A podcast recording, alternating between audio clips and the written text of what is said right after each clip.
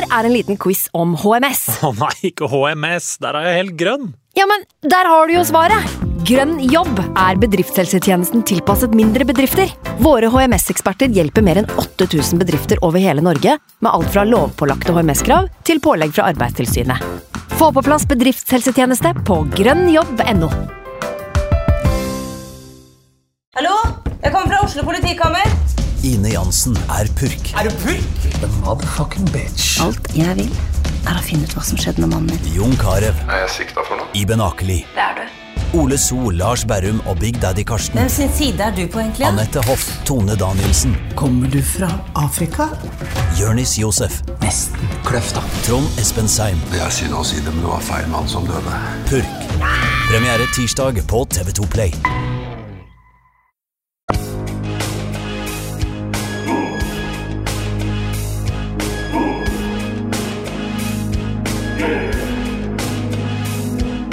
69. Den 69. Den 69.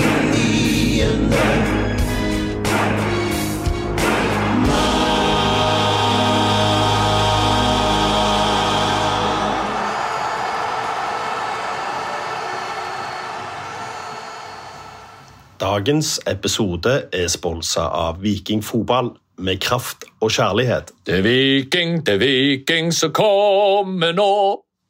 Hei, og hjertelig velkommen til episode 50 av Den 69. mann. Denne episoden her inneholder reklame, som dere sikkert hørte i starten på episoden. Episoden er sponsa av Viking fotball. Men det er ikke bare de som sponser denne episoden, her, for det gjør også KLA, keeperhansker. Eh, Klubber kan få 25% rabatt på samlebestilling uten forpliktelser. Besøk gjerne kla.no for mer informasjon. En legende har takka av i Haugesund, og det har ført til at vi har samla sammen podkastens trekkplaster. og Det betyr at du er med oss i dag, Frank. Ja, det ble oss to igjen. De to andre de er ikke å se, så vi får bare kjøre på. Vi må jo benytte anledninga til å gratulere podkastens aller beste programleder Snorre og hans samboer Charlotte med deres eh, andre barn, som kom til verden 12. september. Dagen etter Arskan sin bursdag, faktisk. Eh, De fikk ei velskapt jente etter en lang fødsel. Eh, Men mor og, mor og barn har det veldig bra. Snorre har også kommet seg etter at eh, han ble sydd sammen, så han har fått fri fram til sårene har grodd. Ja, eh, klart. Eh, vi må jo bare få lov til å gratulere han Snorre så utrolig mye. og Arskan ikke stille. Han har jo vel vært på den daten med hun der Molde-jenta og plukka sopp. og ja, Det er kommet en fjerde date i dag, så vi får se hvor det går med det her. Og det, etter at han angrep Haugesund verbalt for et par episoder siden, så det er like greit å sette han i karantene uansett. Ja, han eh, angrep jo faktisk byen Haugesund òg, så vi ga han eh, to, kampas, to episoders karantene for eh, det han sa der, det var nok ikke helt riktig. Så eh, vi skal ikke gå mer inn på det, men hvis folk vil høre, så kan de høre episoden med Håvard Lilleheie fra sist mandag. For Arskan så er det jo det er jo bygda så fort utenfor Ring 3, da. Så hvis han ikke hører politisirener eller gjengopprør eller skrik om hjelp fra en miljøaktivist, så føler han seg jo ikke hjemme. Men eh, fra spøk til alvor, Arskan har eh, mye å gjøre om dagen, så det er ingen grunn til at vi skal ja, ha bruk, at han skal bruke tida på podkast når han eh, henger etter på jobb, og, så, og, og date. da. Så, men vi har med oss tre nydelige gjester i dag, så da er det vel greit at det er vi to som tar Haugesund-praten, siden det er vi som faktisk ser noe annet enn bare Vålerenga. Så, men um, Frank, du hadde et Twitter-spørsmål du ville starte med? det? Ja, Vi kunne jo starte med et eh, spørsmål fra Lukas Falvik. Fallvik. Han eh, spør eh, oss to da, hva er det vi forbinder med Haugesund og FKH, og han spør om vi noensinne har besøkt Haugesund. Så du kan få starte, Jonas. Det første jeg tenker er jo måker. men, eh, men eh, jeg kommer jo fra samme klima sjøl omtrent, så nei, jeg Det begynner med en eh, fin by ute på kysten, mye vind. Uh, ja, litt samme klima som det kommer fra. Um, hyggelige folk.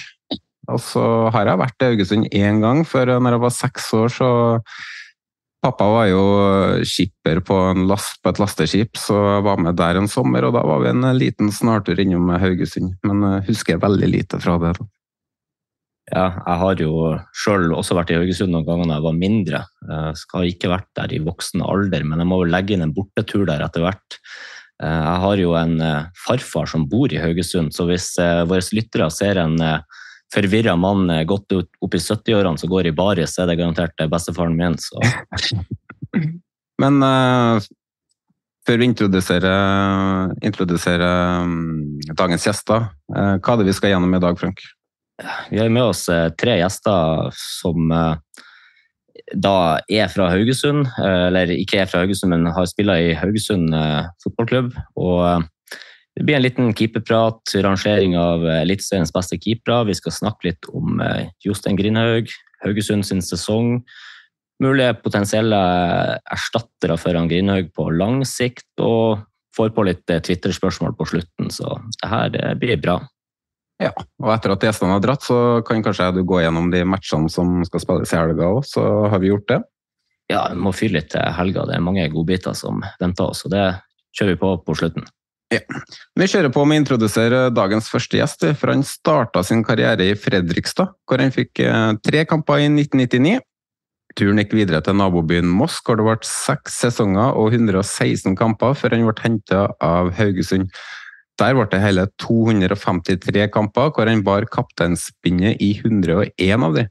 Etter tre seriekamper i 2015 så mista Kristiansen plassen til Per Kristian Bråtvedt. og Eh, det ble ikke noen flere seriekamper i eh, Haugesund, og i 2016 gikk turen tilbake til Fredrikstad. Mange trodde at ringen var slutta der, men han tok eh, pinadø et par år til, bl.a. ett i hardtsatsende Råde, før, før, han gikk til Greåker, hvor han enda er aktiv i dag. Per Morten, velkommen til oss. Hei, takk for det. Eh, du kan jo se tilbake på en eh, strålende keeperkarriere. Og, når du da ser tilbake, da, hva, hva er ditt sterkeste eller beste minne? Oi. Eh, det er jo årene i Haugesund sånn sett under ett. Det var eh, eh, veldig tilfeldig at jeg endte opp i Haugesund. Og så ble jeg der i ti år og knytta masse kontakter med både spillere i klubben, trenere i klubben, men også naboer og venner som ikke hadde noe med fotball å gjøre. Så sånn ett enkelt minne fra Haugesund er vanskelig å trekke fram, men det er den tiden der da, som jeg aldri ville vært foruten. Mm. Uh, med så mange år i, på Vestlandet, og så kommer du fra Østlandet. Uh, har du et sterkere hjerte til, til, Haugesund enn du har for de lagene på Østlandet, eller? Ja, det har jeg. Vi, uh, de sarpingene som jeg er kompis med, de, vi diskuterer jo det her mye hvem, hvilket lag jeg liksom skal heie, med, heie på. Og det er jo, jeg er jo født i Sarpsborg, jeg bor i Sarpsborg og er fra Sarpsborg, men jeg har jo null tilknytning til Sarpsborg 08. Så min rangering er Haugesund soleklart på topp, og så er det jo eh, Moss nummer to, Fredrikstad nummer tre, og så er Sarpsborg bak der et sted. Så, ja. så det er ingen tilknytning til Sarpsborg uh, overhodet. Vi kunne snakka lenge om eh, din karriere, men vi har et eh, tight tidsskjema i dag. Men du føler såpass mye med, på fotball generelt at vi kommer til å spørre deg seinere om du skal være med på en rundeoppsummering. Men før vi går videre til neste gjest, hva gjør du i dag? I dag er jeg lærer på Ekkå skole, har syvende trinn der. Og så trener jeg Greåker gutter 13 og er keepertrener i Greåker. Og så har jeg spilt seks eh, femtedivisjonskamper for A-laget til Greåker i år. Men nå spiller jeg ikke mer der, så jeg har lagt opp. Ja. ja. Da tenker jeg vi går eh, videre til neste gjest. Eh, for dagens andre gjest starta sin karriere i Vard Haugesund, hvor han fikk kamper i både Obos og i andredivisjon. I 2015 ble han lånt ut til Ålesund, hvor han fikk én obligatorisk kamp. Men i 2016 ble han henta til FK Haugesund for å være andrekeeper bak Per Christian Bråtvedt. Det ble noen kamper her og der da Bråtvedt ofte var ute med skade, men da han ble solgt, tok Helge Sandvik over som førstekeeper i 2019-sesongen. Den plassen holdt han i to år før dagens tredje gjest kom og tok ifra den plassen i 2021-sesongen.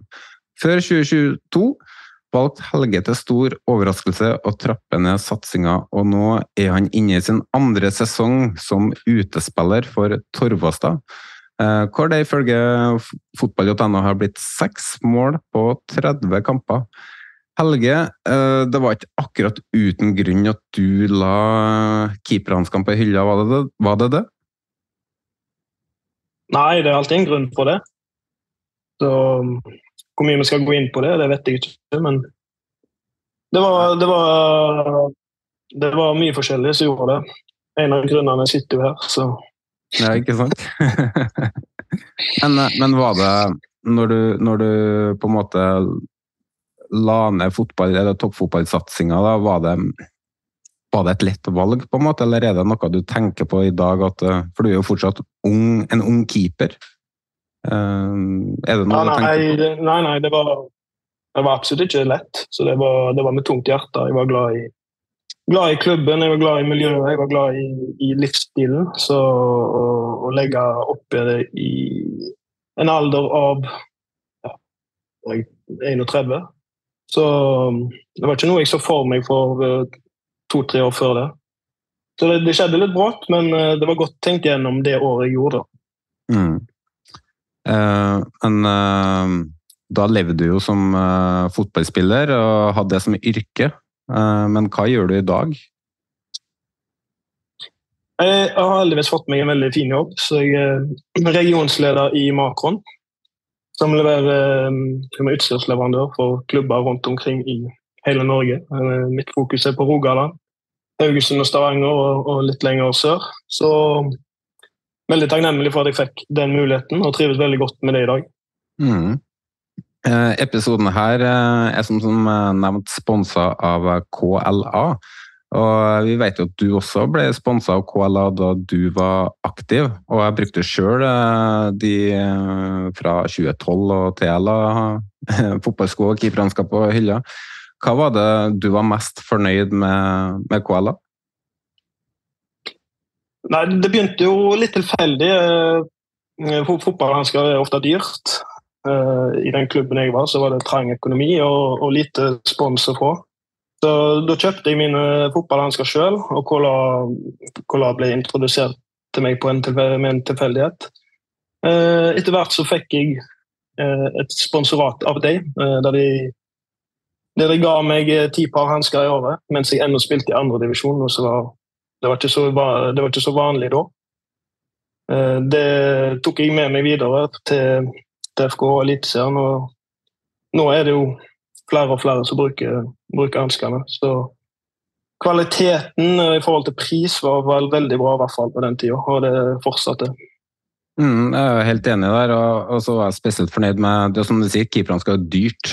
og Jeg fikk jo sjøl mm. x antall par uh, fra klubben, men jeg ville jo alltid ha nye hansker til hver kamp. Uh, men det som var litt bra med de, var jo at uh, det var god varighet på det, på grepene, og, og ble ikke så fort slitt. så og det er noe alle lag er avhengig av, for en retur kan jo potensielt bety baklengs. Så jeg var i hvert fall veldig fornøyd med hanskene fra de. Og men du kan ehm, Men du som faktisk lytter til denne episoden her, da, kan få 15% på rabatt på hansker fra KLA. KLA er inne sitt 15. år med keeperhansker utvikla av keepere for keepere. Eh, for KLA er keeperfamilien svært viktig, og derfor vil de gi alle keepervenner 15% rabatt på alle ordinære varer eh, på kla.no. Man, eh, der kan man bruke rabattkoden podkast69, og koden er gyldig ut året. Så kan vi også nevne at de har 15-årsjubileum i 2024, og de holdt til på Sunnmøre, og de har fått inn mer enn bare keeperhansker det eh, siste året. Eh, så da går jeg over til å introdusere dagens tredje gjest. Eh, for Han er rukket å blitt 26 år og fikk endelig sin debut på landslaget for ei uke siden. Han har i mine øyne vært blant Eliteseriens beste keepere siden overgangen til Haugesund i 2000, 2021 fra Odd. I Odd var det mange som forventet at han skulle bli førstekeeper, men det ble bare med én kamp for Skiensklubben, i en tid hvor han også var ønska av Bodø-Glimt. Egil Selvik, velkommen til oss. Jo, takk for det. Takk for det. Men du starta din eh, karriere i, eh, i eh, Sandnes Ulf, stemmer ikke det? Jo, stemmer det. Jeg var vel rukket å bli 16-17 år før jeg meldte overgang til Sandnes Ulf og ble tatt med av toppen der ganske tidlig. Vi fikk inn et spørsmål, nå husker jeg ikke hvem som sendte inn, men han lurte på om er det, er det Sandnes Ulf som er laget, eller er det Viking? Jeg ble spurt om det senest i dag. da. Eh, halve slekta mi er jo fra Stavanger, så jeg har jo søskenbarn og onkler som har sesongkort på, på, stadion der. Men eh, for meg så jeg er jo, jeg er jo Sandneskauk. Jeg er jo fra, fra Sandnes, og der er det stabilt. Så ja, jeg vil jo si jeg er Sandneskauk. Det blir ekstra gjevt å slå Viking på, eh, på lørdag, da, eller? Ja, i tillegg til at jeg er fra Sandnes, men òg at det er Haugesund som jeg spiller for. Så det å slå, slå Viking er aldri feil, det. Mm. Men uh, gratulerer med landslagsdebuten. Det er et stort øyeblikk, eller? Jo, takk for det. Det er absolutt et stort øyeblikk. Det, det, var, det, lå litt i korta etter, etter, hvert når jeg merka at jeg presterte godt på både på, i, i klubb, men òg på, på samlingene jeg har vært på fram til nå. Så, så, jeg levde jo i, i håp og tro om at jeg ville få sjansen, og, og det gjorde jeg. Mm. Og du har jo, Etter sesongen her så har du ett år igjen av kontrakten, hvis jeg ikke husker feil. og um, I sommer ble det avvist et uh, bud på tre millioner. Um, har, du, har, du, tenkt noe på veien videre nå, eller hvilke ambisjoner har du for uh, din framtid? Så klart, eh, Jeg har jo ambisjoner om å, om å spille på det øverste nivået så jeg eh, overhodet mulig klarer. og så klart, eh, Jeg har jo prestert godt de sesongene jeg har vært i, i Haugesund. Eh, samtidig så er jeg litt på det at eh, klubbmessig så er min situasjon hvor vi er nødt til å mobilisere inn mot de ni siste kampene. Så foreløpig så er hodet mitt på, på de ni siste kampene av sesongen. Ja, for Det har jo skjedd litt av hvert i din klubb uh, siden du dro til Oslo for å være med på landslaget. Hvordan, hvordan var det å komme hjem igjen?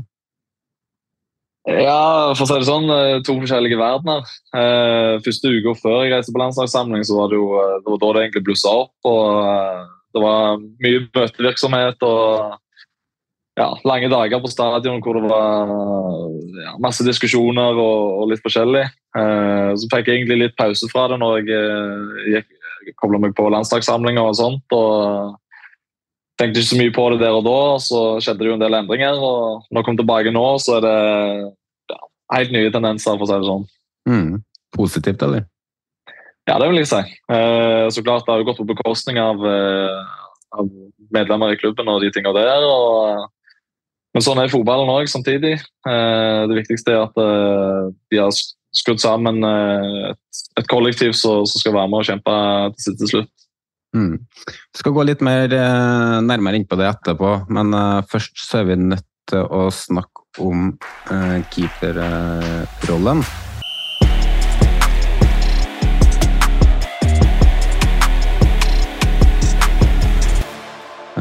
og keeperrollen er jo veldig kompleks. Den er utfordrende, og for de aller fleste er det en mental prøvelse. Um, kan du starte med deg, da, Per Morten. Hva er årsaken til at du ble keeper?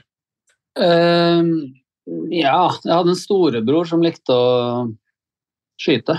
Det var naturlig at jeg sto litt i mål, og så var jeg veldig glad i å spille utpå. Så jeg eh, spilte lenge utpå før jeg liksom eh, ble keeper.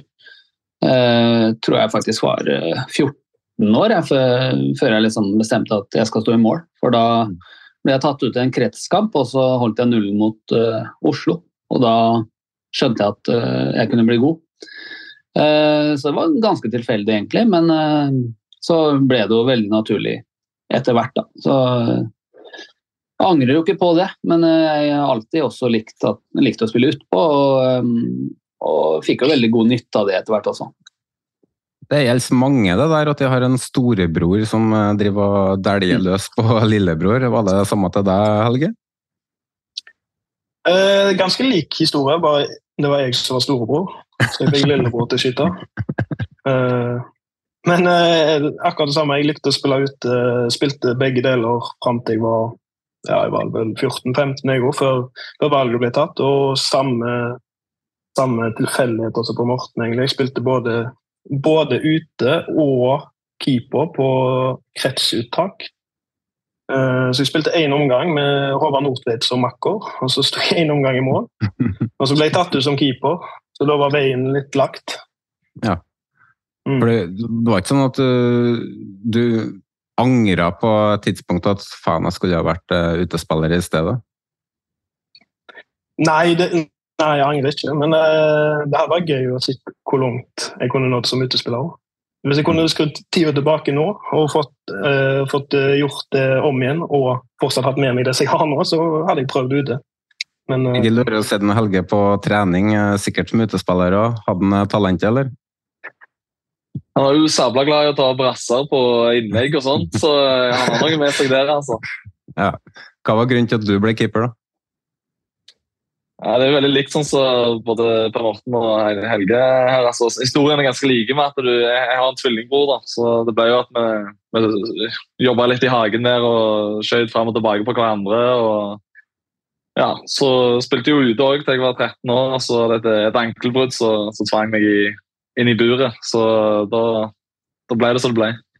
Jeg var jo keeper eh, og hadde òg en storebror, men eh, han skjøt ikke så mye på meg. Han, eh, han rev og skjøt på militærpolitiet og satt i fengsel, og sånn, så jeg fikk ikke den gleden. Så, jeg skal skyte inn at jeg ikke er keeper, og det er derfor jeg spiller i femtedivisjon. Ja, ikke sant? Det er jo mange store utfordringer ved å være en keeper, og kanskje den største utfordringa er det mentale. For man har jo alltid i bakhuet at gjør du en feil, så blir det baklengst ofte. Um, gjorde dere en spesiell jobb uh, for det å være rusta mot å takle presset ved, å være keeper? Var dere, eller var det sånn at dere uh, hatt litt sånn mentale problemer på akkurat det der? Kan jo starte med deg, Per Morten. Det der, akkurat det der er jo en sånn uh, lang prosess da, som du går gjennom i et langt keeperliv. Det er klart at jeg kan huske det sånn at I starten, når jeg debuterte for Moss i Eliteserien, så var jeg 18 år. og da, da, gikk akkurat det veldig greit, for da var det ikke noen forventninger. liksom. Jeg eh, bare kom inn og eh, Det var ikke noe press på mine skuldre akkurat da, men så begynte jeg å prestere, og så med det kommer forventningene også. Så da var det jo mentale prosesser hele veien hvor du ja, eh, må jobbe hele veien da, med positive tanker og ikke tenke på hva som kan gå galt. Så de tankene der, den indre dialogen med deg sjøl, den, eh, den, er tøff, den. Og den eh, må du jo jobbe med hele veien. Så det, ikke, det kommer ikke av seg selv, det. Så det er, det er, det er, kanskje den tøffeste delen ved å stå i mål. Det presset som ligger på deg hele tiden. Mm. Helge, du var ikke 18 når du debuterte i Eliteserien, og var kanskje litt bedre rusta enn eh, mange 18-åringer som debuterer nå, da, på samme nivå. Eh, følte du at din vei med Obos-fotball, eh, andredivisjon, hjalp deg til å takle presset som var med å spille i Haugesund? Og så var det jo sånn at du, du erstatta jo og i tillegg en veldig god keeper òg. Følte du på det presset? Uh, ikke når jeg ble henta av Haugesund, uh, følte jeg ikke på noe press, nei, men uh, tidlig i karrieren så syns jeg det var vanskeligere å takle dårlige involveringer, gjøre tabber. det, var en, det var en utvikling gjennom flere år, og jeg fikk heldigvis sjansen igjen. Altså, jeg spilte, spilte i den lokale klubben min som, i andredivisjon da jeg var 17. Og selv, selv om jeg um, hadde perioder som var dårlige, så fikk jeg fortsatt fornya tillit. Og det, det hjalp meg også å lære. og når jeg da til slutt ble henta av FKH, så, så, hadde jeg allerede spilt sju-åtte år med seniorfotball. Og jeg hadde det med meg. Det hjalp veldig. Mm. Egil, du er jo Hvordan var det å debutere på landslaget? og Nå var riktignok mot Jordan i en kamp som ikke var tellende, men der er det jo bl.a. en mental trener som er veldig tett på. Eh, har du benytta deg av et sånt tilbud i, mm, i, din utvikling og din karriere til nå, og hjelper det? Jeg har gjerne lagt mer vekt på det nå i altså, de siste to åra, gjerne. Eh, før når jeg var yngre, så, så, var det aldri noe jeg tenkte på. Eh, da var det egentlig bare det å ut og, ut og prestere og bidra så godt jeg Eh, godt jeg kunne. da. Eh, nå er det litt mer komplekst, med litt som du sier, at det er, det er mer mentale aspekter med større arenaer og mer, mer, forventninger og press. Men samtidig så er jo Jeg har prøvd å legge meg litt på den lista at fotball er fotball. Uansett om du spiller i femtediv eller om du spiller på Ullevål, for den saks skyld. Det er litt det at du må du må ikke bli passiv og tenke at uh, ok, det kan skje en tabbe når som helst, for da, da, skjer det jo fort. Det er litt sånn Murphys law-opplegget det der. da.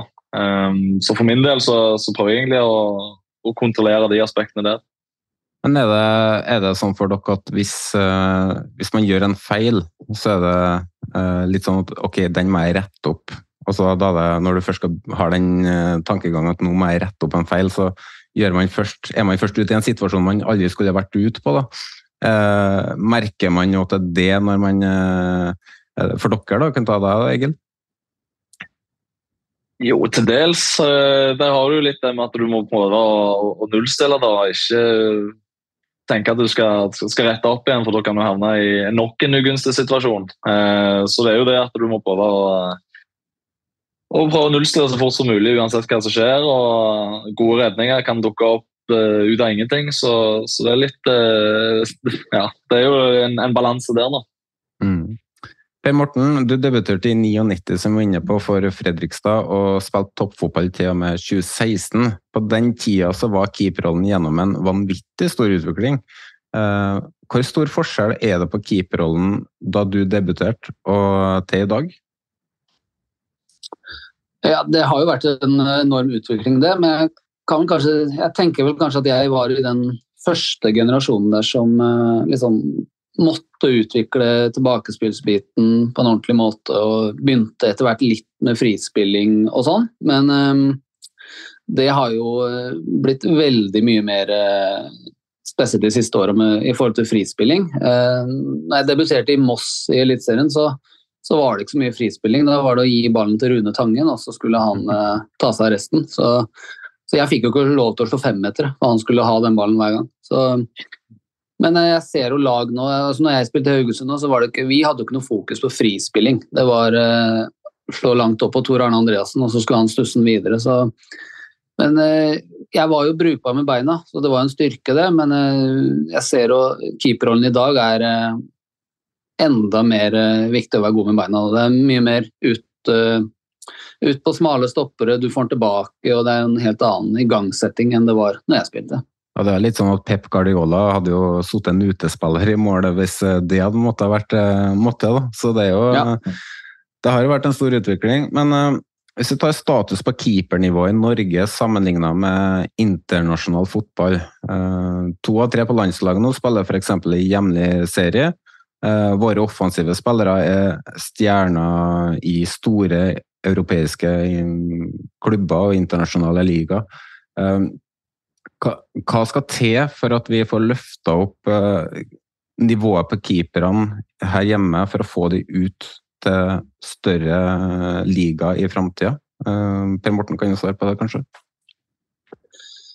Det er jo sånn at vi må Skal vi få skikkelig gode keepere, så må vi jo få keepere ut i Europa som får spille. Det hjelper liksom ikke å være rundt i Europa og sitte på benken. Så da, da er det jo bedre å bare spille i Norge. Så det er jo lenge siden vi har hatt uh, Rune Jarstein da, som var liksom den siste som spilte veldig bra for Hertha Berlin. Og så gikk jo det, gikk jo det litt dårlig etter hvert. Og så um, vi trenger virkelig at eh, noen kommer seg ut og tar en plass i et sted i Europa. og så da tror jeg mye vil, eh, mye vil komme. Vi får, eh, vi får, tenke at Egil er det neste som gjør det. Han er på utgående kontrakt, så da ligger det vel kanskje litt i kortet at det skal skje noe der. Kanskje.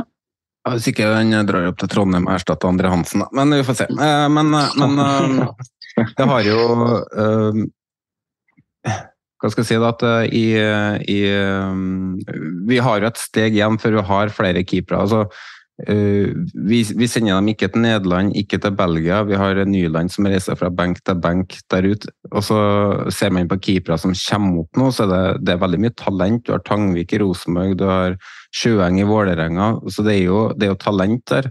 Men så ser man jo keepere på samme alder omtrent debutere i ja, topp seks-liga. Går, går, det på kunnskap, oppfølging fra tidlig av? Jeg kan jo si for meg sjøl, jeg hadde ikke keepertrener før jeg var 24 år, så det er jo ikke akkurat sånn at man har så mye keepertrenere å plukke av heller fra tidlig alder. Hvordan var det til deg, Egil? Ja, altså eh, når Du sier det, altså, du har jo store klubber som, driver med scouting og, og plukker opp eh, altså, Det er jo unger rett og slett i seksårsalderen. Plukker de opp og på en måte spesialiserer de på ulike posisjoner. da. Eh, når det kommer til det med keepertrener for min del, så har jeg jo alltid hatt eh, en viss form for keepertrener som har figurert da, i, i, i lokal klubb og og sånt. Eh, men òg mer når du kommer inn på det at du skal, skal havne en toppidrett, og at du skal ja, på sånn U-lag. At du, du, har en fast keepertrener så følger du deg opp.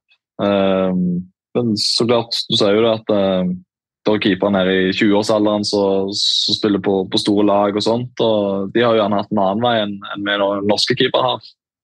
Internasjonalt så står det når de skal hente inn åtteåringer, så er det jo nesten sånn at de går gjennom legejournalene og ser på mor og far for å se blir han 1,90, for det har jo en sånn grense der at han skal være minimum 1,90. Det er Jo...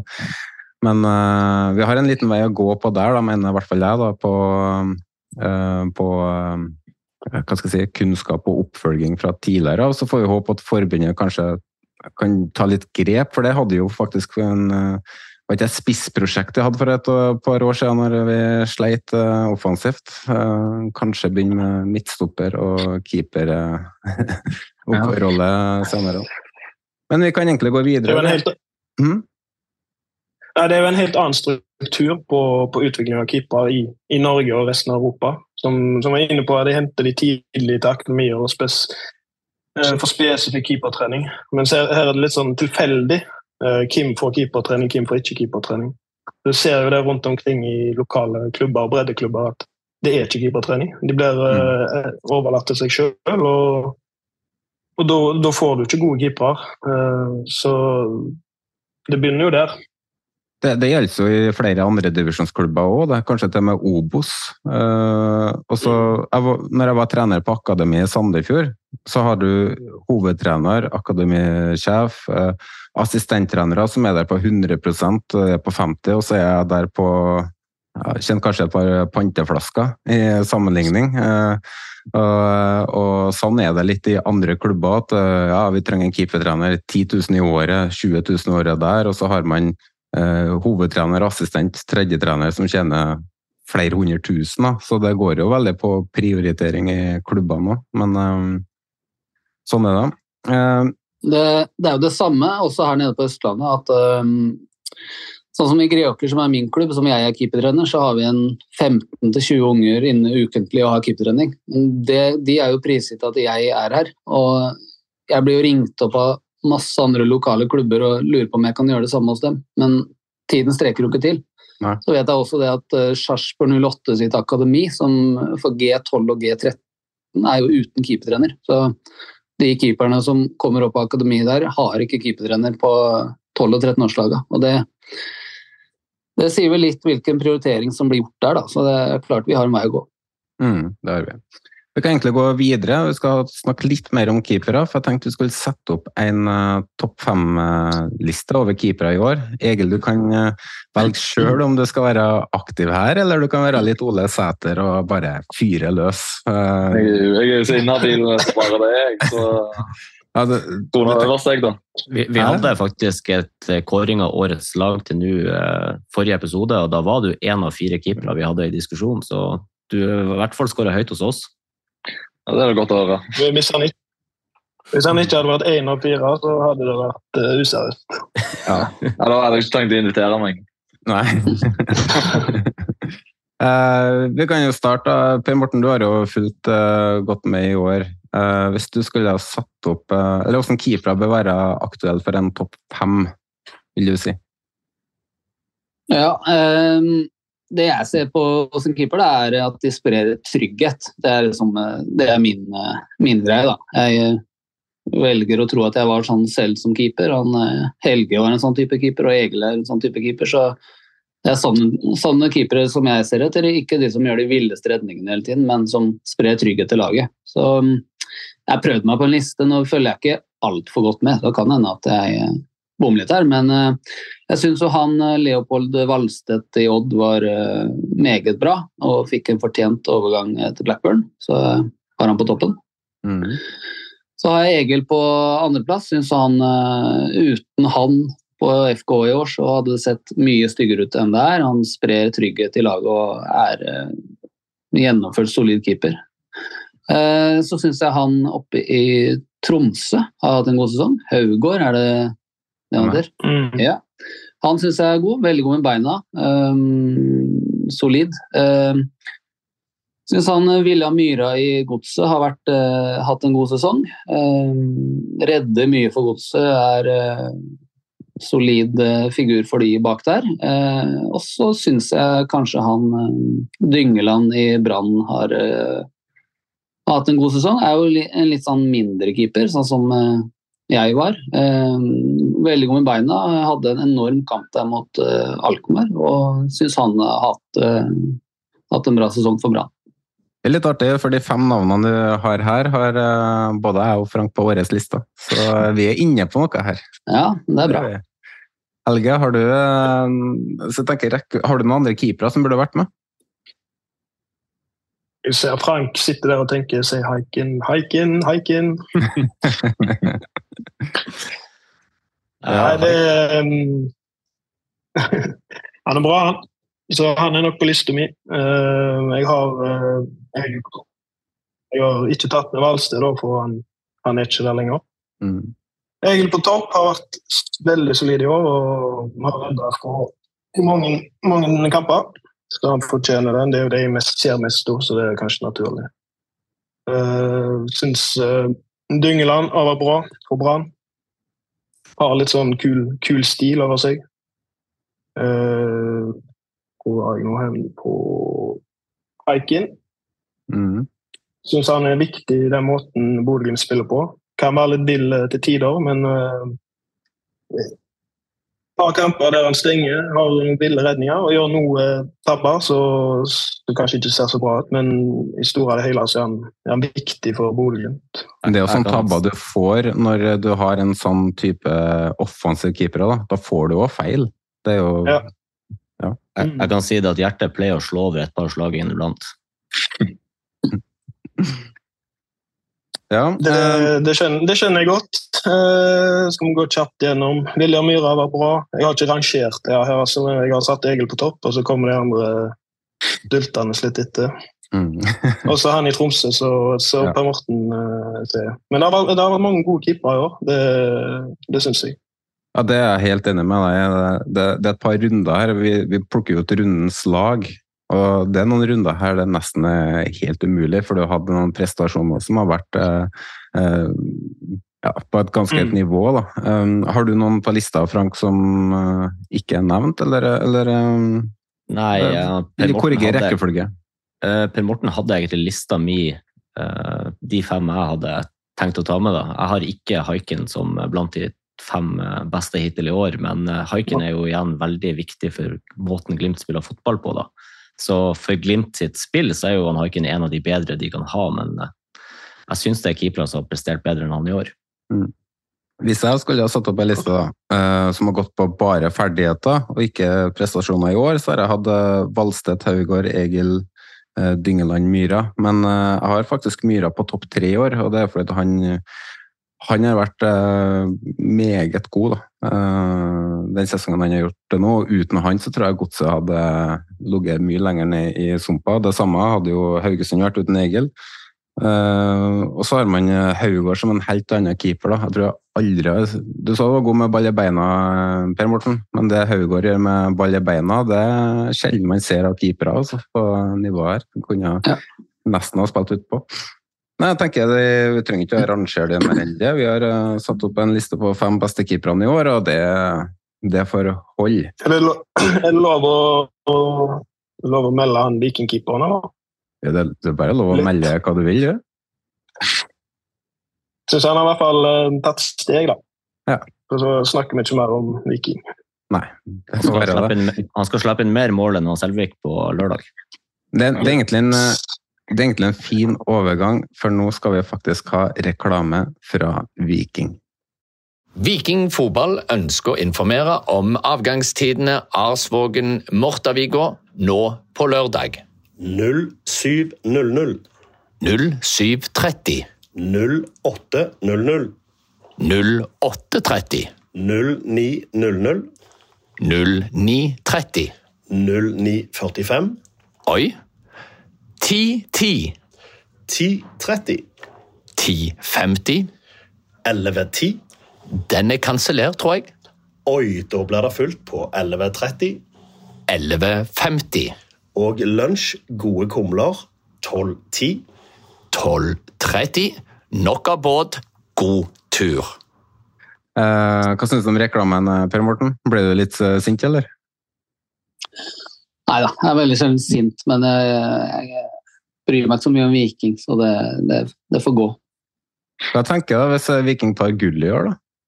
Nei, det har jeg heller ikke tenkt så mye på. Det, det, er liksom ikke noe Vi får håpe at vi slipper det, men uh, når det er sagt, Viking har vært gode i år. Altså. De ser, uh, ser, bra ut, men uh, det er et lag med gule drakter oppe i nord som jeg holder som hakket bedre, så vi, vi, håper på de.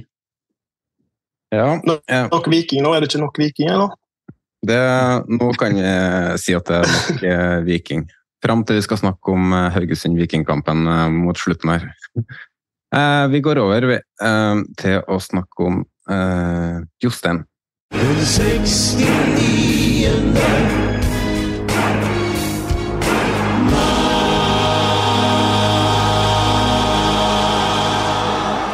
I 1990 signerte Jostein Grindhaug for Djerv 1919. Der bomma han på straffespark i klubbens siste offisielle seriekamp i 1993. Før Djerv 1919 og Haugar ble FK Haugesund. De starta i andredivisjon i 1994, og hvem skåra lagets aller første offisielle seriemål? Jostein Grindhaug. Og det endte med opprykk til førstedivisjon på første forsøk, med Jostein på laget. I deres første sesong på nest øverste nivå ble det en sterk fjerdeplass, men allerede året etterpå rykka de opp til Eliteserien, med Jostein på laget. De debuterte i det som da het Tippeligaen i 1997, og Jostein var fast på laget helt fram til sommeren 1998. Fotballkarrieren fikk seg en knekk etter flere skader og fem operasjoner, men han var tilbake i fotballen igjen vinteren 99 eller 2000 han prøvde seg i flere klubber og takka bl.a. nei til et kontraktstilbud fra Beijing Guaoan eh, før han skada seg i en prøvekamp for Umeå FC. Hans comeback i fotballen kom dermed på nivå tre i norsk fotball for SK Nord. Nord. Um, han klarte etter hvert å kjempe seg tilbake til en plass i stallen til FK Haugesund, hvor han ble værende til 1.11.2007, men han sleit med skader fra februar 2006. Totalt ble det 45 mål og 220 kamper for FK Haugesund, fordelt på to perioder. Men Jostein Grindhaugs Haugesund-karriere stoppa ikke der, den hadde knapt begynt. Foran 2009-sesongen ble han ansatt som ny hovedtrener i Haugesund for å erstatte Rune Skarsfjord, som hadde dratt til Brann for å bli assistenttrener. Blant kandidatene til trenerjobben i FKH på den tida var også Kjetil Knutsen, og selvsagt ble det opprykk på første forsøk. Jostein stabiliserte FKH til et lag på øvre halvdel, og etter to sjetteplasser og én syvendeplass ble det en ganske så sterk tredjeplass i 2013, så fortsatt den dagen i dag er deres beste plassering i Eliteserien. Deretter fulgte to tyngre år med 11. og 12. plass, som førte at Grindhaug ga ansvaret videre til Mark Dempsey, og Grindhaug fortsatte som sportssjef, en stilling han hadde fram til Erik Horneland gikk fra Haugesund til Rosenborg januar 2019. Jostein tok da på nytt over som hovedtrener og leda laget til cupfinalen i 2019. Haugesund har eh, ikke utmerka seg som et lag på øvre halvdel i hans andre periode som hovedtrener, men det har likevel vært et stabilt godt eliteserielag som har vært kapabel til å ta poeng mot hvem som helst. 2023 har derimot vært et tungt år for FK Haugesund og Jostein. Ustabile resultater, røde kort i hver tredje eliteseriekamp, misnøye i og utenfor laget og en nedadgående kurve førte til at Jostein trakk seg som hovedtrener mandag 4.9. Han har leda klubben i 1119 dager som sportssjef, 4171 dager som hovedtrener.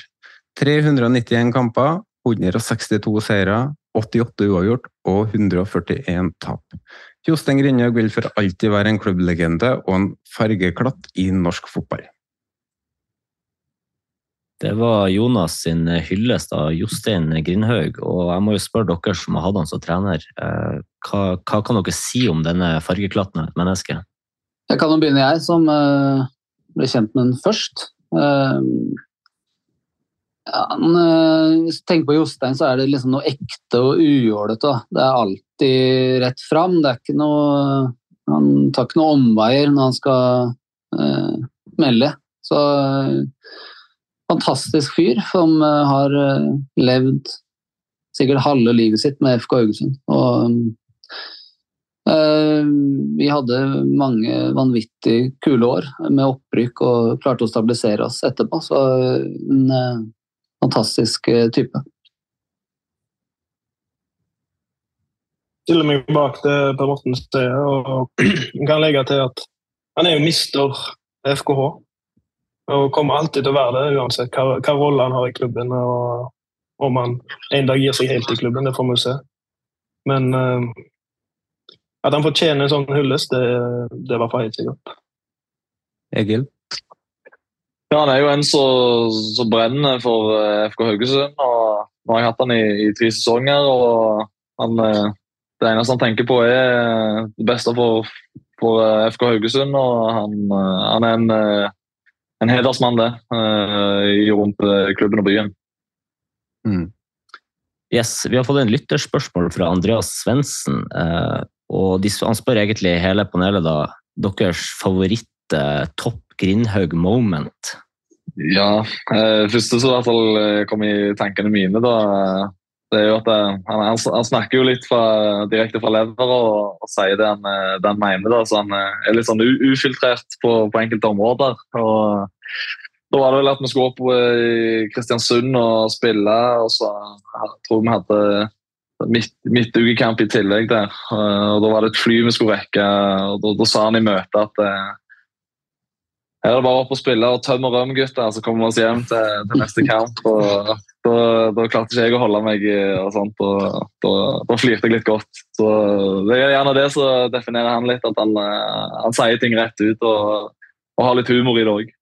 Uh, ja, det, er, så vanskelig å komme på, for det, er så mye du, hele tiden. Men uh, for de som ikke har sett den TV Haugaland-konferansen sammen med Tom Nordli og Davy Vatne, så er jo det det er underholdning i seg sjøl. Hvis man uh, setter på den og ser hele den, så, så er det veldig mange gullkorn.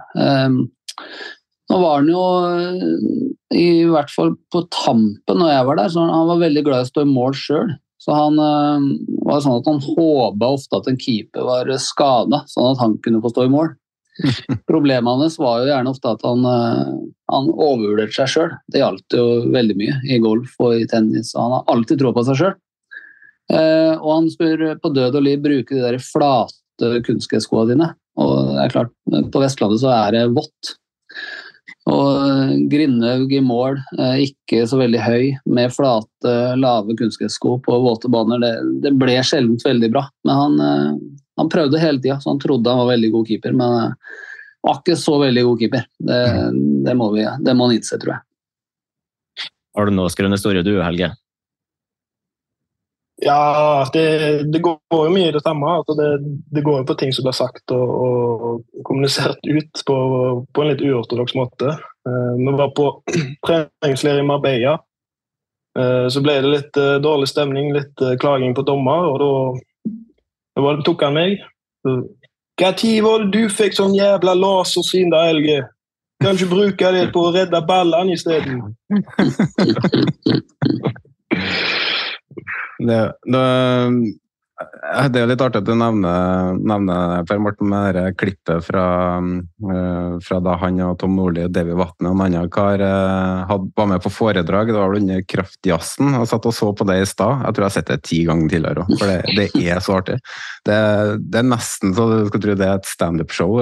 For den, det, er, det er faktisk mitt høydepunkt. Men jeg har jo mange gullkorn fra ja, med mikrofon eh, foran trynet før og etter kamper der som uh, vil gå i minnebøkene. Men jeg så det var flere som mente at han kanskje har blitt litt kjedeligere med årene. At du ikke har fått like mange gullkorn som han kanskje fikk i 2015. Stemmer, stemmer det, Egil? Har han blitt litt for uh, kjedelig? Ikke, ikke noe snakket til oss altså, internt i klubben, da. Eh, men hvis du tenker vi gjennom media og de tingene der, så, så er det gjerne at han er litt mer nøktern på ting. Eh, så klart han hadde et eh, Det var vel intervju her på, på stadion hvor det var snakk om å bare gå ut og gi faen, liksom. Eh, men samtidig, det, det, det, det, er litt sånn at han eh, ikke nødvendigvis jakter det å få, få sånne gullkorn. De kommer bare naturlig, liksom. Mm. Uh, per Morten, du, var, du, er ikke så veldig aktiv på Twitter. Uh, du la ut en tweet i 2019 hvor du hylla Helges prestasjon etter uh, sikkert det som var cupsemien.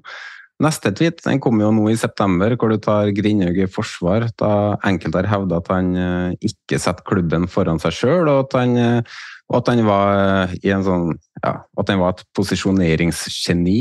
Ehm, du var ikke helt enig i det, men hvordan vil du beskrive Jostein som trener og person?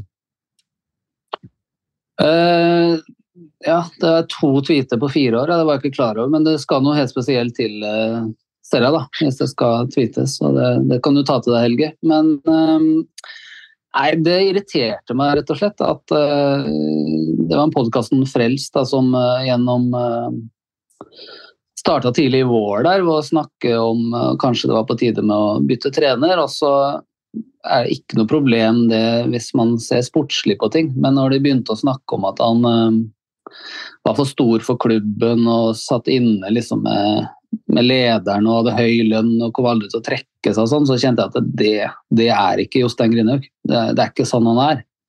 Det er uh, helt feil, og det irriterte meg. Altså, Jostein er, som eh, Egil sa i stad, at han brenner for klubben og ønsker at eh, klubben skal gjøre det bra. Han er veldig lite opptatt av seg selv. Så, så eh, det er den Jostein jeg kjenner, som ikke har noe personlig agenda i det hele tatt. Han, han vil at FKH skal gjøre det bra, og er villig egentlig til å gjøre det som er best for klubben. Så jeg syns ikke han fortjente den diskusjonen i hele tatt. og så kan det sikkert kanskje være lurt å bytte trener, sportlig sett. Det har ikke vært fyr og flamme i Haugesund på ganske lang tid, så det kan sikkert bli bra, det. Men uh, ikke med det nivået på den diskusjonen som var der.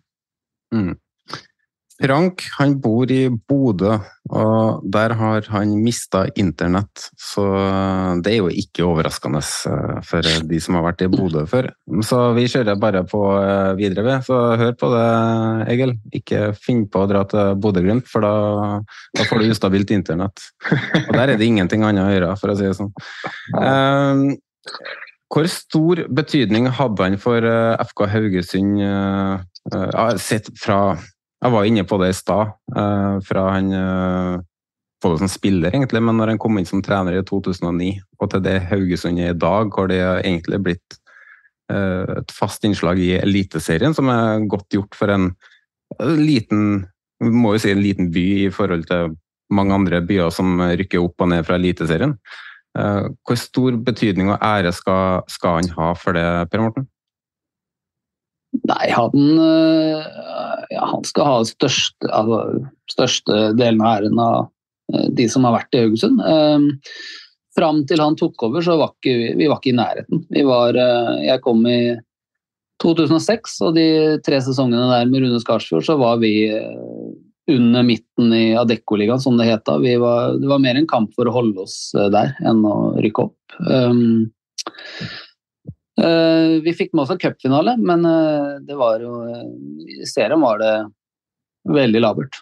For øvrig en cupfinale som Jostein Grønhaug eh, sa fra seg plassen i troppen eh, på. Han eh, ville ikke være med på den cupfinalen. Han var vel ikke perlevenner med Rune Skarsfjord, så det, det, er jo en historie i seg selv, det også. Men eh, så tok hun over, og sammen med Asbjørn Helgeland og Eirik Horneland, ikke minst, så fikk de fyr på, på, klubben. Og etter det så har jo Haugesund aldri vært nede igjen. Så det er klart at det er ikke noen andre enn eh, Jostein Grindhaug eh, først og fremst, og Eirik Horneland og Asbjørn Hyggeland som eh, liksom har dratt det sportslige der og fikk fyr på byen og fotballen på Haugalandet. Så de har en De skal ha all honnør for det de gjorde da. Mm. Eh, Helge, hvordan var det å ha Jostein som eh, trener da, da, du var der?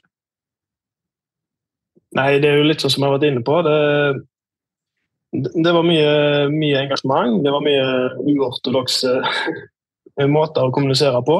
Eh, det kunne bli slitsomt innimellom for enkelte spillere. Som, som sikkert er en del av den grunnen, den grunn for den misnøyen som har vært nå det, det siste året. Eh, det går til et visst punkt, og, så, og når resultatene ikke eh, står i stil, så, så kan det bli slitsomt i lengden. Mm. Men sånn som så, sånn Per Morten var inne på, så det er udiskutabelt at han skal ha den største æren for, for at Haugesund er et stabilt eliteserielag i dag. Hvordan var det for deg å ha Jostein som trener? Ja, altså han, eh, han, er en uh, annerledes karakter. Altså Nå gikk jo jeg fra å ha Dag Eilif i Odd, så er en, en annen type trener, til å få, til å få Jostein her i, i Haugesund. Men uh, jeg har bare hatt uh, altså jeg har bare gode ting å si om, om, om Jostein. Jeg, altså. han ga meg jo tillit og, og, og ja, en straight up guy og virkelig, virkelig ordentlig. da. Så, så, er det jo så klart så Helge, Helge, Helge nevner at det går gjerne litt på bekostning av noen spillere. at De, de kjenner gjerne litt ekstra på det når, når Jostein eh, stiller seg kritisk til dem eller, eller melder eh, på dem. Eh, men for all del, eh, Jostein eh, legger ned og sabler mye arbeid. og han er, han er, jo en som brenner for klubben. Eh, og jeg ser han jo enkelte ganger når jeg kjører til forbi Haugebanen, så, så, står han ute, ute på banen og, og tråkker gress og, og, sørger for at banen er fin igjen til, til neste trening eh, dagen etterpå. Så, så han, eh, han, legger inn en innsats der, og det har han gjort eh, så å si hele, hele perioden jeg har vært der. Fotballen utvikler seg hele tida. Fra da Jostein ble trener og til nå så har det skjedd veldig mye. Eh, har han hengt med i den utviklinga, syns dere? Jeg kan starte med deg, Per Morten. Det har vel det vært liksom ankepunktet mot uh, Jostein i all tid, egentlig. Og jeg vet jo at han har uh, tatt det til seg og uh, prøvd å utvikle seg. har garantert også utviklet seg, men det er klart når du litt sånn flåsete melder at taktikk er oppskrytt og sånn, så, så, er det jo lett å få et uh, sånt stempel. Så han er nok mye mer fotballklok enn det liksom, folk tror og man gir uttrykk for. Men det er klart at hans største styrke som trener er jo ikke ikke det fotballmessige sånn sett. Han er, er jo mer en sånn uh, som får med seg lagene han har, uh, som engasjerer, som uh, gjør fotball enkelt. Ikke, han prøver ikke å gjøre det så avansert. Så det er klart at han har utvikla seg, men hvis du sammenligner med trenere som, som utvikler veldig store deler av spillet, så er nok ikke Jostein helt der. Det er enklere. Mm. Eh, det gikk jo rykter om misnøye i spillergruppa. Det har vært eh, spekulert i et spillemøte hvor bl.a. Kevin Krygård mista kapteinspinnet i blant. Nå vet jeg ikke om du var i det møtet, Egil, men eh, var det, var det misnøye mot Jostein LÅ eller trenergruppa i, mm, blant spillere? Ja, altså, jeg skulle ikke si at det ikke var det, for eh, media dekker jo ganske mye av de, de tingene som ble sagt i disse møtene. Eh, så så klart, det, det har jo vært eh, misnøye ja, på, på, enkelte aspekter og, og områder. Jeg vet ikke om jeg skal kommentere for mye på det, med tanke på at situasjonen har utvikla seg med at det var trenere som har fått eh, fyken og, og de tingene der. Eh, men jeg kan si det så at eh, spillergruppa har vært og lufta sine ting, og det har blitt eh, tatt etterfølge nå. Går det på spillerstil eller eh, leder, eh, lederstil? Ja, altså når, når du merker at eh, resultatene ikke kommer, og at du, du på en måte står og stanger litt mot veggen, så, så er det jo mm, mye av spillestil som blir prega på det. da.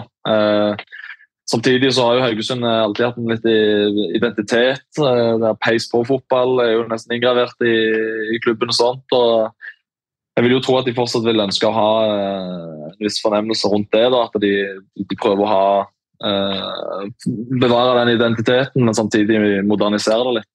Mm. Eh, per Morten, kan Jostein trene et annet lag i Norge, eller er det bare Haugesund?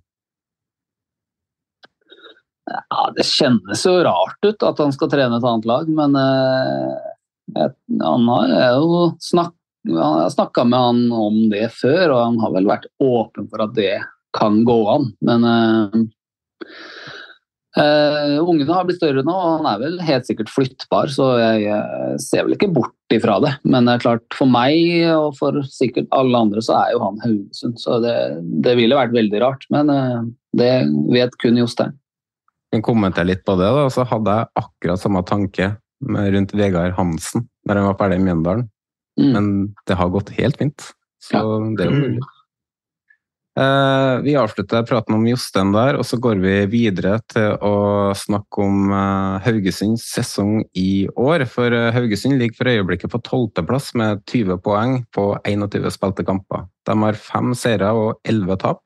De har kun skåra 19 mål og 31 innslupne, og er for alvor med i nedrykksstriden. I tillegg har det blitt en del røde kort som vi faktisk er inne på, med rødt kort hver tredje kamp. Er det bare tilfeldig, egentlig? Eller er dere litt sånn Står dere og stanger huet i veggen før kamp og fyrer dere for mye opp? Nei, altså Kan du si det at det, det er fort en uting å få, få kort mange av det er jo ofte at er, du får to gule, ikke nødvendigvis direkte rødt. Så, Begge oppgjørene mot Rosenborg endte jo med to gule. Ja, ikke sant. ikke sant? Og så var det vel nå mot Molde sist, var vel òg to gule, syns jeg husker. Så det er jo en uting fort, og det, det vil jo prege kamper. Og det, det har de jo gjort òg i, i, løpet av sesongen. Så, men så klart, eh, fotball er ikke alltid tilfeldig. Nei, altså, Hadde ikke dere fått det røde kortet mot Rosenborg, så tror jeg ikke at dere hadde tapa den kampen. her, For det var jo først etter, eh, etter røde at uh, Rosenborg tok mye mer over. og Det har jo skjedd i flere andre kamper. og, og Hvis man uh, tar bort de røde kortene og, og, begynner å tenke på hvor mye, mange poeng Haugesund potensielt sett har mista der, så kan man jo se hva det ville utgjort på tabellen. Da, da tror jeg ikke Jostein har vært ferdig i dag, for å si det sånn. Men, Nei, du kan se på det sånn.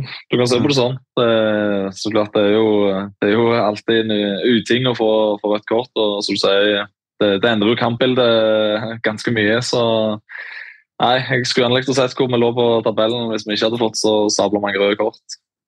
Hva tenker du, Helge? Eh, kan man skylde på marginer, eller har Haugesund fått som fortjent?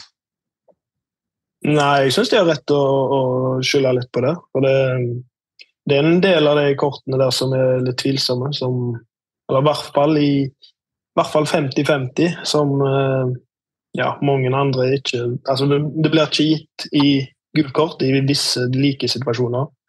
Eh, og så får du ditt andre gule kort for, for det, så blir, blir du hardt straffa. Noen av de eh, røde kortene syns jeg er ufortjent. Mm. Um, vi, skal, vi, må snakke litt om spillerlogistikken. Her skal du, du skal få slippe å svare, Egil, for det, du har en jobb å gå til i morgen. Så, men uh, Krygård er jo på utgående. Egil har ett år igjen av kontrakten. Uh, gode spillere har forsvunnet de siste sesongene. Og de har kanskje ikke blitt godt nok erstatta. Um, Helge, har, har spillerlogistikken vært god nok? Det frister jo å svare nei i år. Eh, med tanke på resultatene. Eh, så, men de var jo veldig fornøyd før årets sesong begynte, med at de hadde eh, fått med seg mange av de kontinuitetsbærerne fra året før, og, og var fornøyd med de som har kommet inn. Eh, og, og I år var året der du skulle klatre på tabellen. Eh, det viser seg jo at de ikke har lykkes med, så, så i år så har de ikke truffet på det. Nei. Hvem er det som har ansvaret, Per Morten? Grindhaug har jo sjøl sagt at han har siste ordet, men så er det jo en sportssjef der òg. Hvem tenker du har ansvaret for at Haugesund er der de er i dag? Er det for lett å skylde på bare trener, eller? Ja, det blir for lett, men det er jo en god blanding, det. Men det er klart at Grindhaug og Opedal som sitter på spillelogistikken, altså de må jo ta skylden når det ikke fungerer. Det er det ikke noen tvil om. Og så er det selvfølgelig spillerne som eh, skal prestere, da. Men eh, selve spillelogistikken er, er, det jo de to som eh, bestemmer over. Så det, de var veldig fornøyd. Han, Martin Fauskanger uttrykte seg veldig positivt før sesongen, og det liksom var i årskuddet skjeting. Og så har det ikke blitt sånn. Det er klart at et lag som har skåret 19 mål på 21 kamper, det, da blir det vanskelig. Eh, så under et mål i snitt det, det, Vi ser liksom ikke helt hvor måla skal komme fra. Så det er klart at eh, der har noe skjært seg. Og 31 baklengs, det er ikke akkurat mye det heller. I hvert fall ikke med tanke på hvor eh, Haugesund ligger på tabben. 31 baklengs burde det jo holdt til at de har vært topp åtte. Ja, absolutt. Så en god keeper, da, som ja. Eh, har sørga for det. Også, men det er klart at når du ikke skårer mål, det er eh, tror, jeg eh, tror jeg er det noe sånn som at det, FK har ikke skåret to mål i en kamp siden de slo Odd langt tilbake her. Så det er klart at du skårer ett mål hver kamp, så skal det godt gjøres å vinne fotballkampen. Mm. Du ser jo på, på XG-tabellen, som noen liker å se på, så ligger jo FK desidert sist. på ja på XG. Ja, så er det ikke sånn at de har uh, brent så mye sjanser. Det, det, er ikke, det, er ikke, der problemet ligger heller. Så, så det er uh, alarmerende, det. det de har jo spillere framme i banen. og Det er Enjoy, som jeg syns er spennende. De har, eh, de har sorry, Diarra, som jeg syns ja, Kanskje han ikke er ferdig med å tilpasse ennå, men det er jo kvaliteter.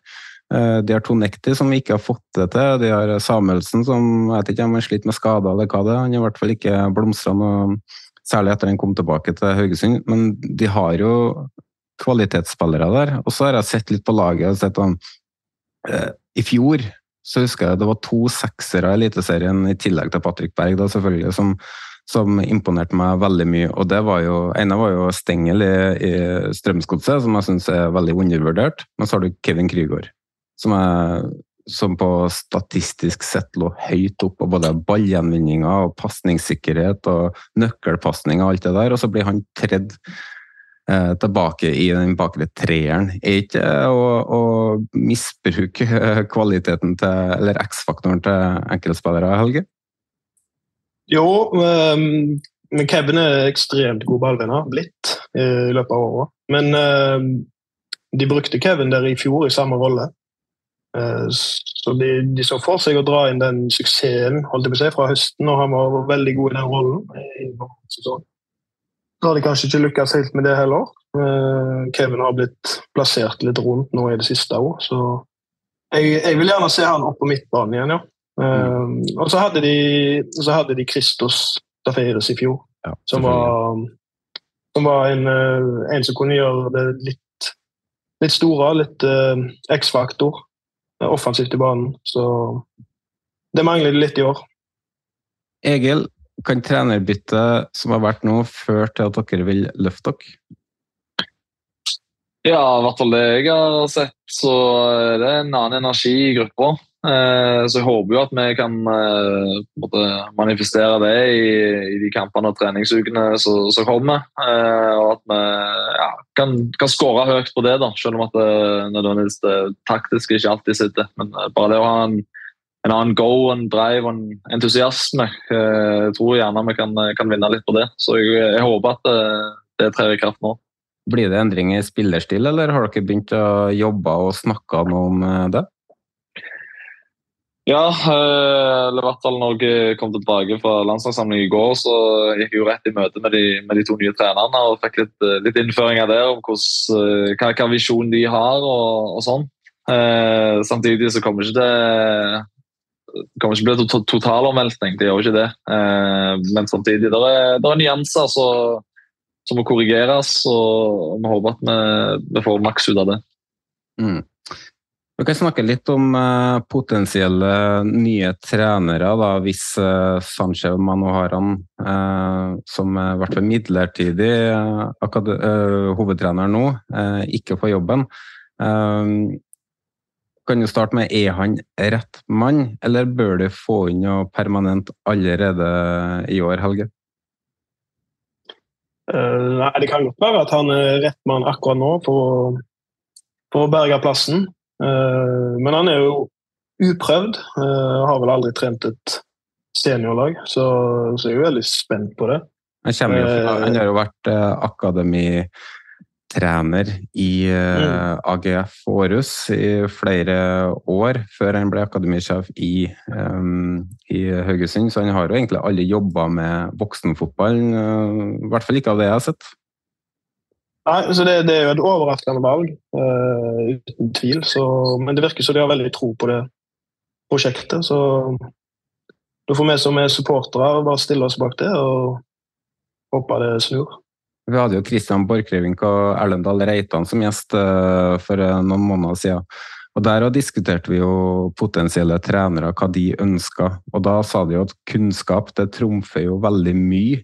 Uh, gjør ikke da, Per Morten? At hvis det kommer inn en ja, uprøvd, ukjent trener, men så viser han fra dag én at her er det mye kunnskap og gode visjoner, så, så har det ikke så mye å si hvilken eh, erfaring eller navn du har?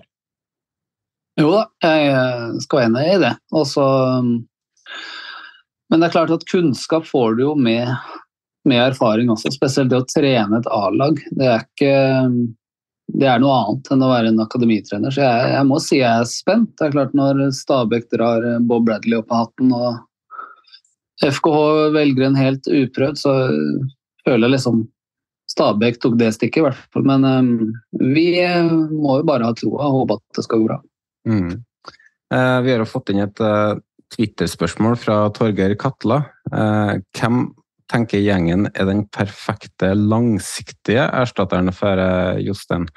Uh, kan du starte med deg da, Per Morten? Uh, ja, jeg så jo min gamle venn, eller ikke gamle venn, min gode venn og gamle lagkamerat Eirik Mæland hadde sagt at det var uaktuelt akkurat nå. Det går jo på timing. Det hadde helt sikkert vært en god mann. Uh, ung, kjenner klubben, Veldig klok. Eh, det hadde sikkert vært bra, men dårlig timing akkurat nå. Ehm, en annen gammel lagkamerat, Christian Mikkelsen, er jo ledig på eh, markedet. Jeg har jo på en måte bygd eh, en ganske lik klubb da, med samme type midler. Jeg kjenner til mekanismene i litt mindre klubber. Ehm, står vel litt for den samme fotballen og den identiteten også som er i FK. Ehm, også en veldig bra mann. Det er vel de to jeg tenker på. Magne Hoseth kanskje har hatt en fantastisk sesong eh, nede på Færøyene. Så eh, litt sånn langsiktig og litt opp, opp, opp og kommende, så kanskje de tre.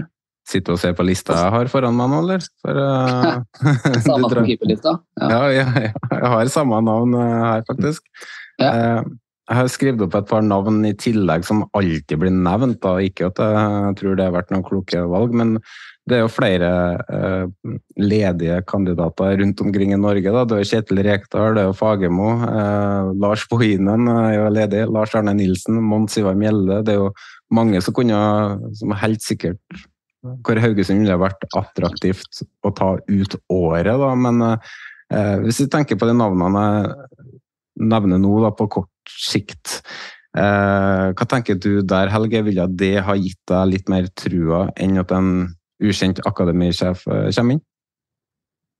Uh, det var jo det jeg trodde de kom til å gjøre. da. Hente inn en, med et navn som viste at det, han har gjort det før. Men hvis vi skal se på langsiktig, så, så stiller jeg meg bak Erik Mæland. Jeg håper jo han en dag blir FK-trener. Eh, Så det er en som ikke er nevnt, som jeg har hørt mye bra om.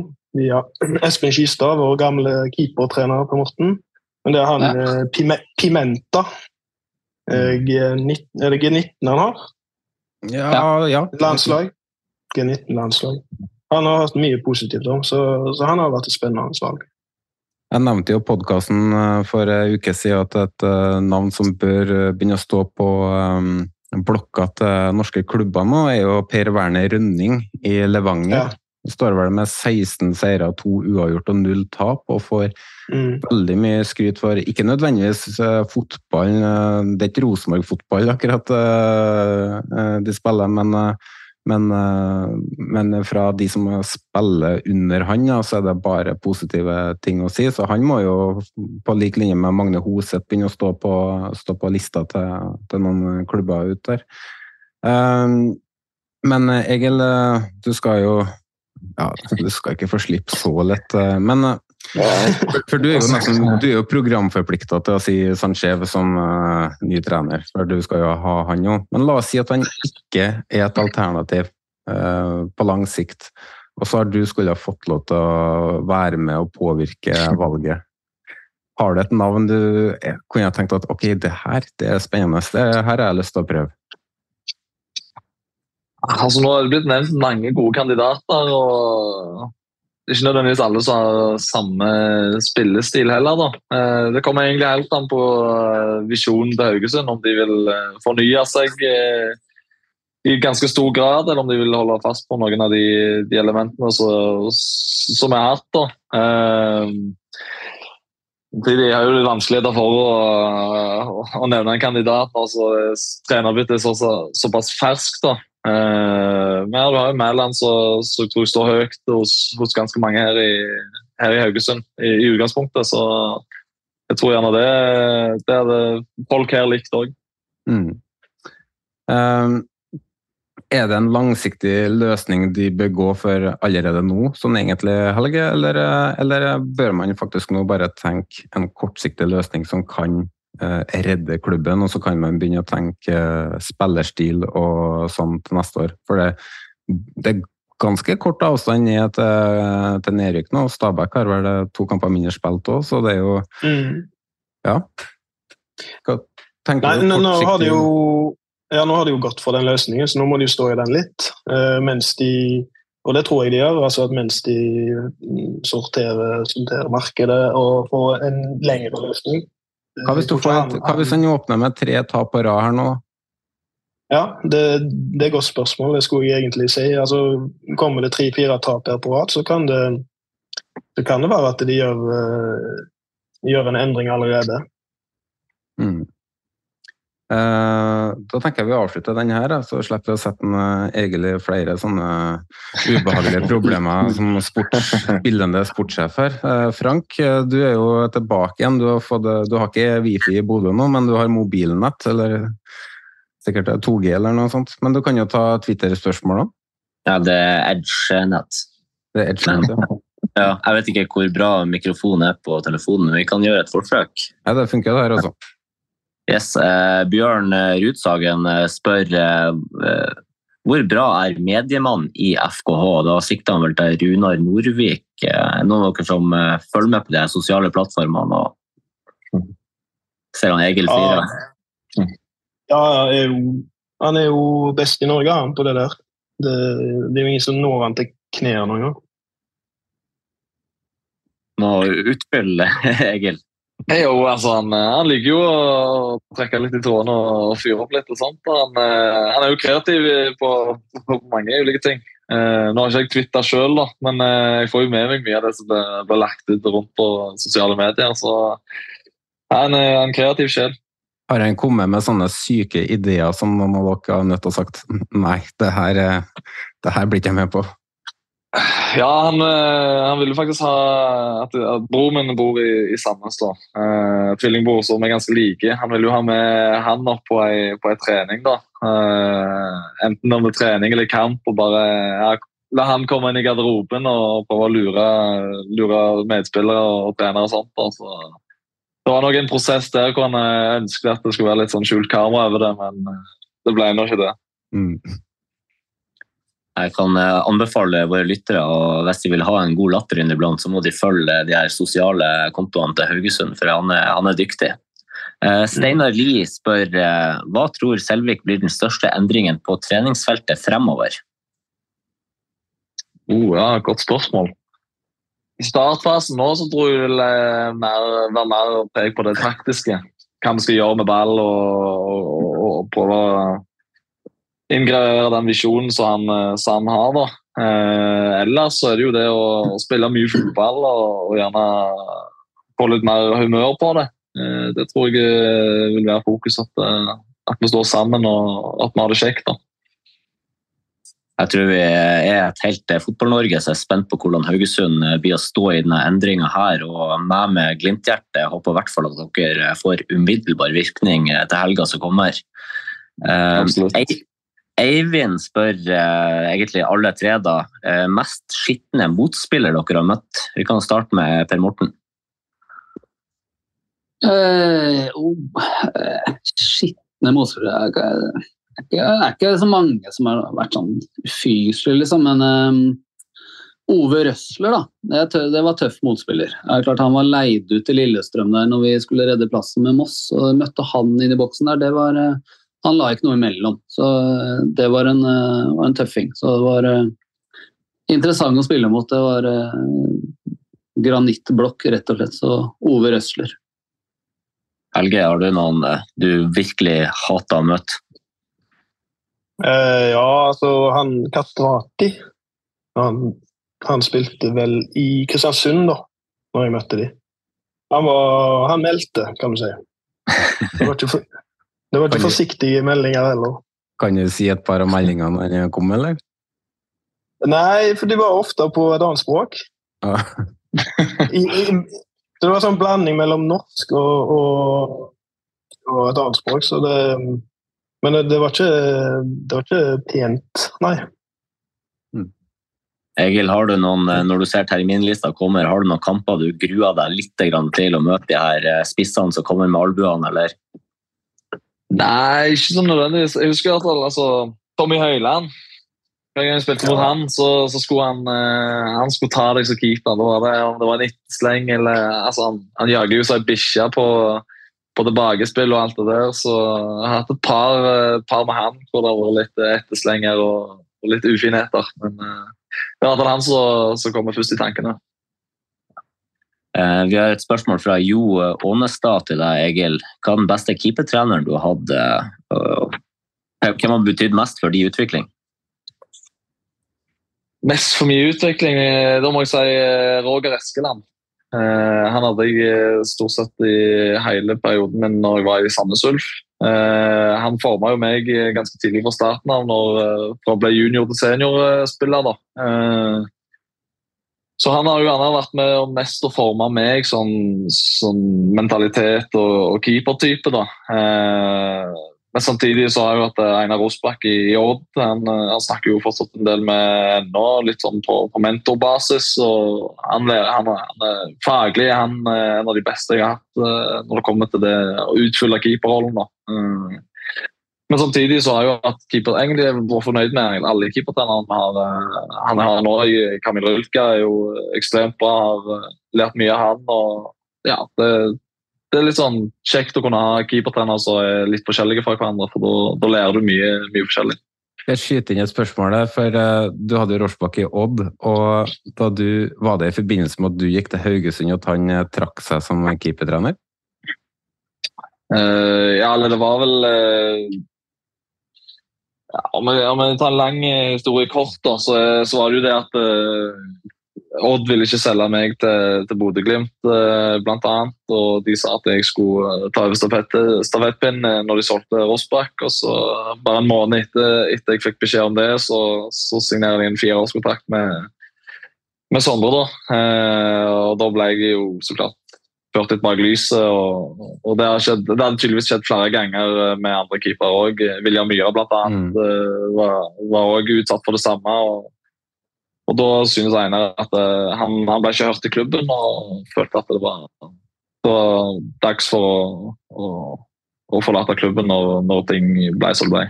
Det var pga. at du på en måte ble urettferdig behandla at han, eh, han eh, Ja, sikkert en kombinasjon av det andre ting òg, altså. Men uh, det var gjerne det som stikker mest ut, med tanke på at uh, situasjonen ble som den ble, og at uh, klubben nekta å selge den, og at det var en annen eliteserieklubb som kom og, og, og vil, vil, ha mine tjenester. Så, men ok, det, det ble som det ble.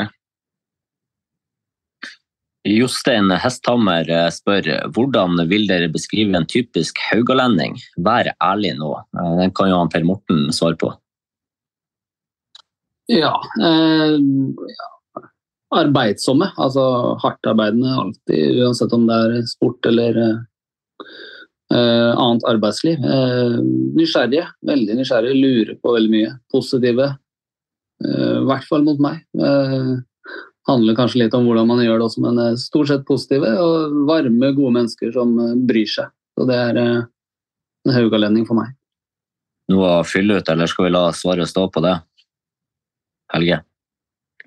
Høres bra ut. Jeg er inhabil, men uh... yes, Slåttekaren spør til Per Morten. Skjønte han hva Johs mente med en keeper som kan ta hys?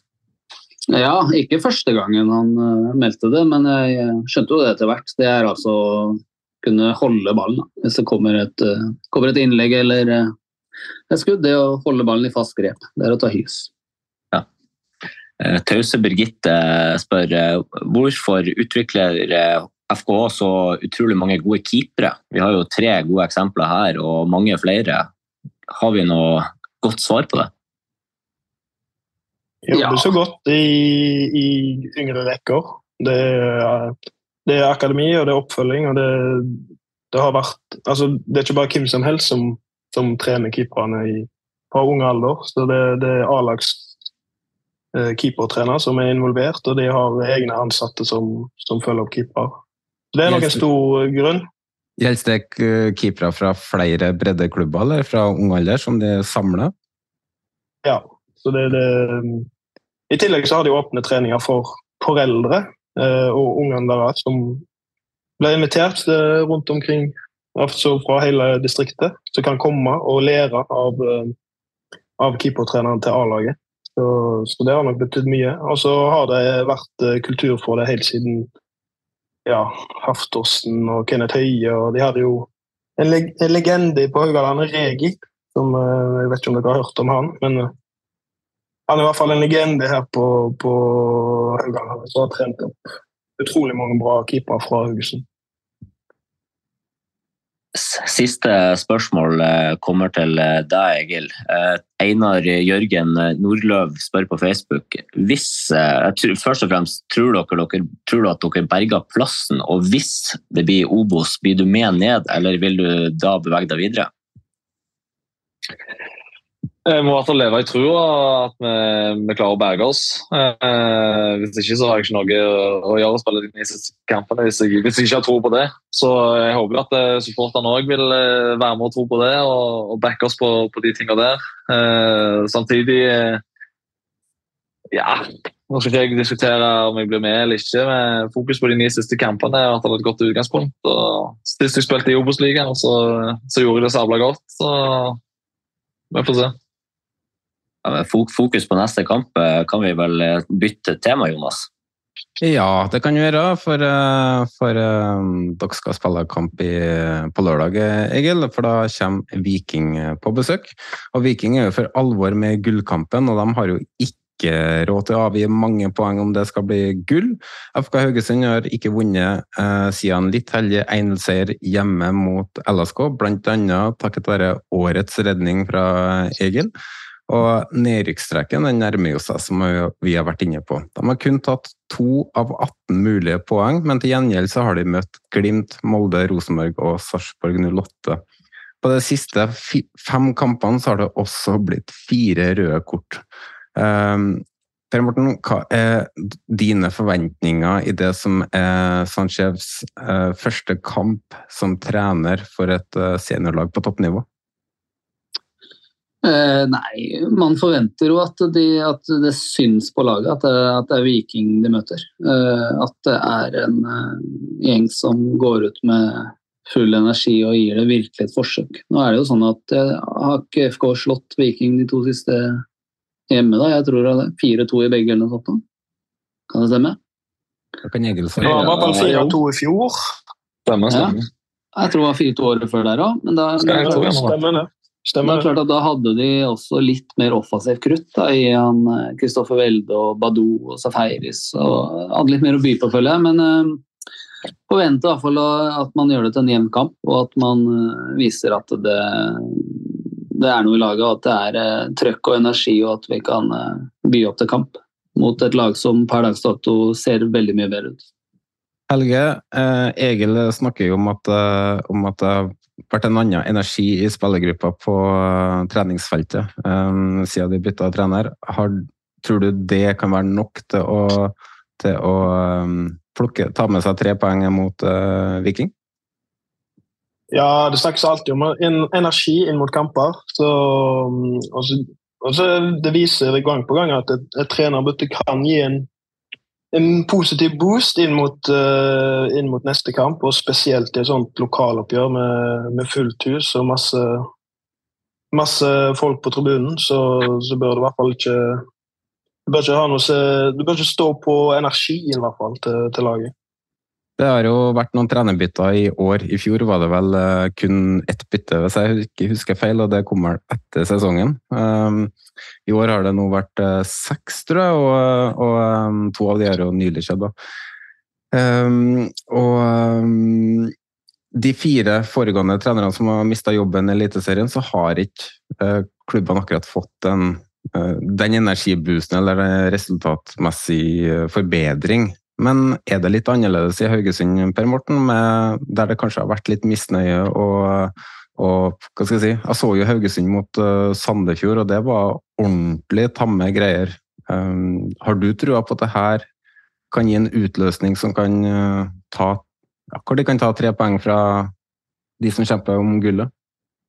Ja da, så absolutt. Jeg har jo troa på det, men jeg, som jeg sa litt i stad, så er jeg litt sånn Litt skeptisk til eh, erstatteren som har kommet inn, da, som er uprøvd, på en måte. Så jeg er litt skeptisk til det. Jeg skulle heller, se, kunne heller tenkt meg at det kom inn en som med litt mer tyngde, som har vært i det, stått i dette før, og som eh, vet litt mer hva man går til. Vi, det siste året jeg spilte profesjonelt i FFK, så fikk vi fikk vi Mons Ivar Mjelde de siste åtte-ni kampene, som skulle redde oss fra, fra nedrykk i Obos-ligaen den gang. Og det var, det var veldig bra. Han kom inn med så mye trøkk og energi som jeg nesten ikke har sett. Så, men så var det greit nok når året var over, for da, dro han, da ga han seg. Så det, han liksom brukte den, all energien han hadde, og det tror jeg var veldig greit.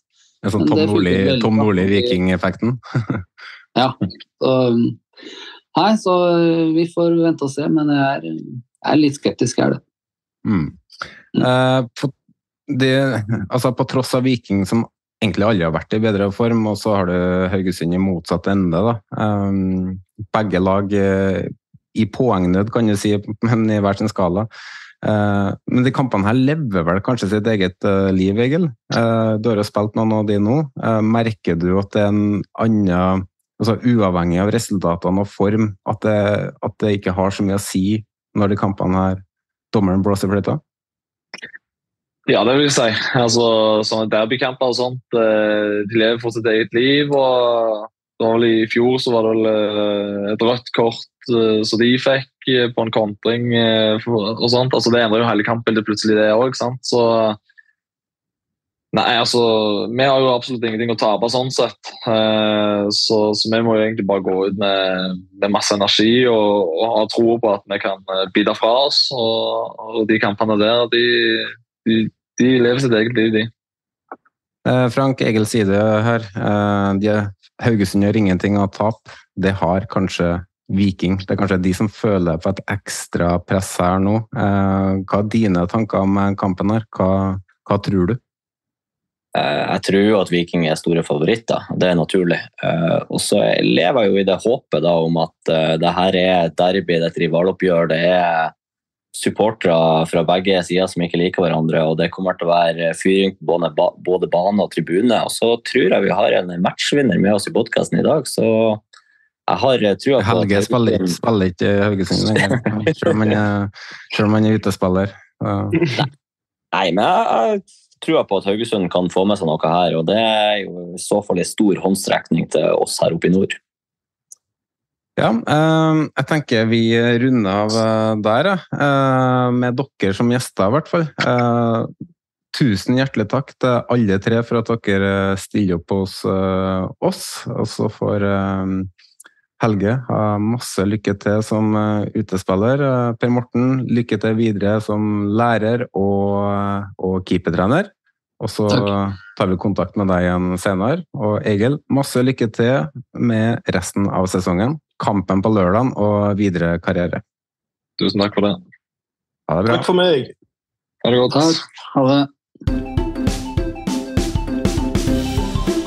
Altså, Jeg orker ikke å diskutere om folk eh, tar hverandre opp i ræva eller hva det er for noe sånt.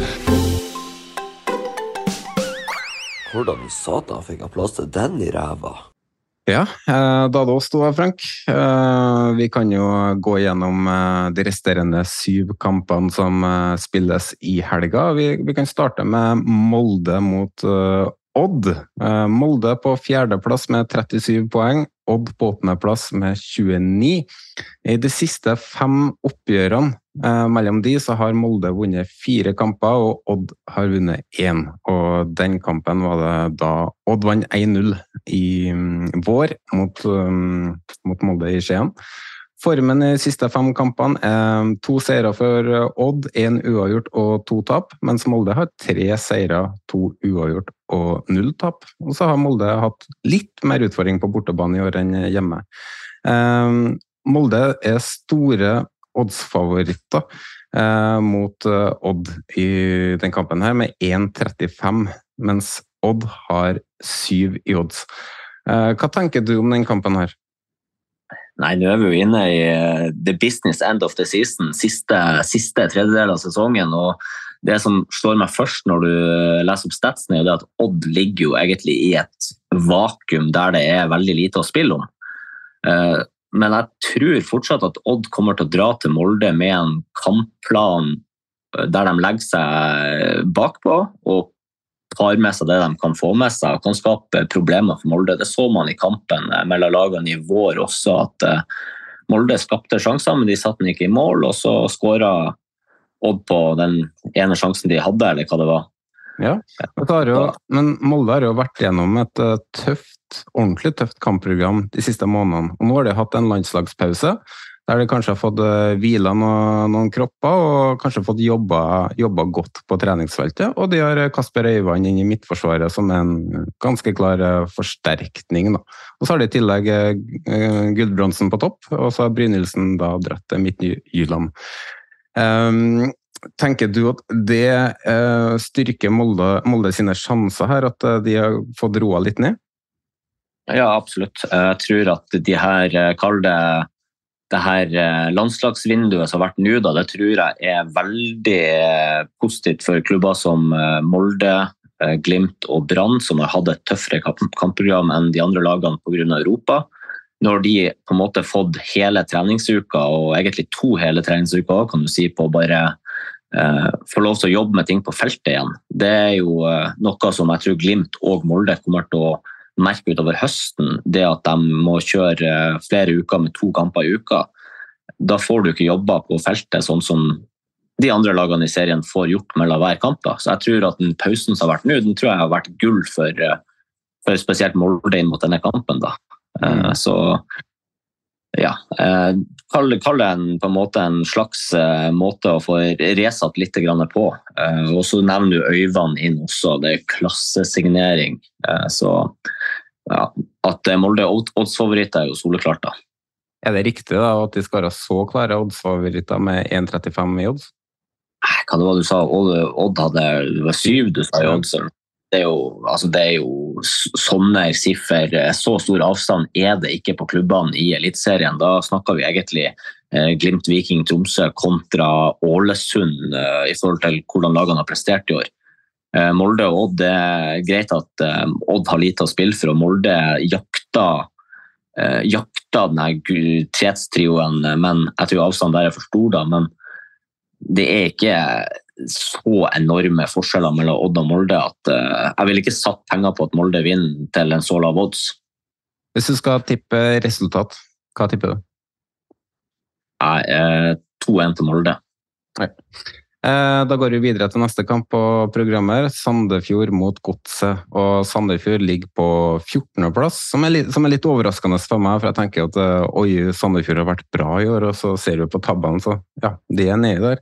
Eh, de har 18 poeng, og så har du Godset, som har litt jojo-sesong. Ligger på 10.-plass med 26. I de siste fem oppgjørene og innbrytelse tidligere i sesongen, så har Strømsgodset ja, Strømsgodset vant kampen mellom lagene i mai. og eh, Lagene har to seire hver eh, på de siste fem kampene mot hverandre. Det siste endte jo da uavgjort. Eh, Formtabellen så har eh, Sandefjord én seier, to uavgjort og to tap. Godset har to seire og tre tap. På oddsen så er det ganske jevnt. Det er 2,35 på Sandefjord og 2,65 på Godset. Hva er dine forventninger inn mot denne kampen? Det første som slo meg da jeg så den kampen, er at nå tror jeg vi får se et sånn toppnivå Sandefjord igjen. Jeg tror fort at uh, Godset er også litt i det vakuumet som Odd, at de har veldig lite å spille for. Uh, Godset har fornya kontrakten med en tre-fire-fem poeng, så er de sikra eliteseriespill neste år. og det, det tar dem på de resterende kampene. Jeg tror at plutselig får du se et Sandefjord-lag som våkner fra å vise seg til sin beste side med eh, Alsæd og Dunsby, eller hvem de bruker på de kantene. Jeg, tror at Godset får seg en skikkelig skrell nå. Eh, frist eh, Sandefjord-lag forventer jeg å se på lørdag. Det er jo gress i tillegg, da. Det er jo ikke, nå har jeg ikke sjekka noe statistikk der på, på godset, hvordan de har gjort det på, ja, i gresskampene. Men uh, det er klart det er en fordel å være vant med underlaget. Um, hvis du skal tippe resultatet i den kampen her? Nei, jeg ser gjerne en 3-0 til Sandefjord. Ja, frisk meldt.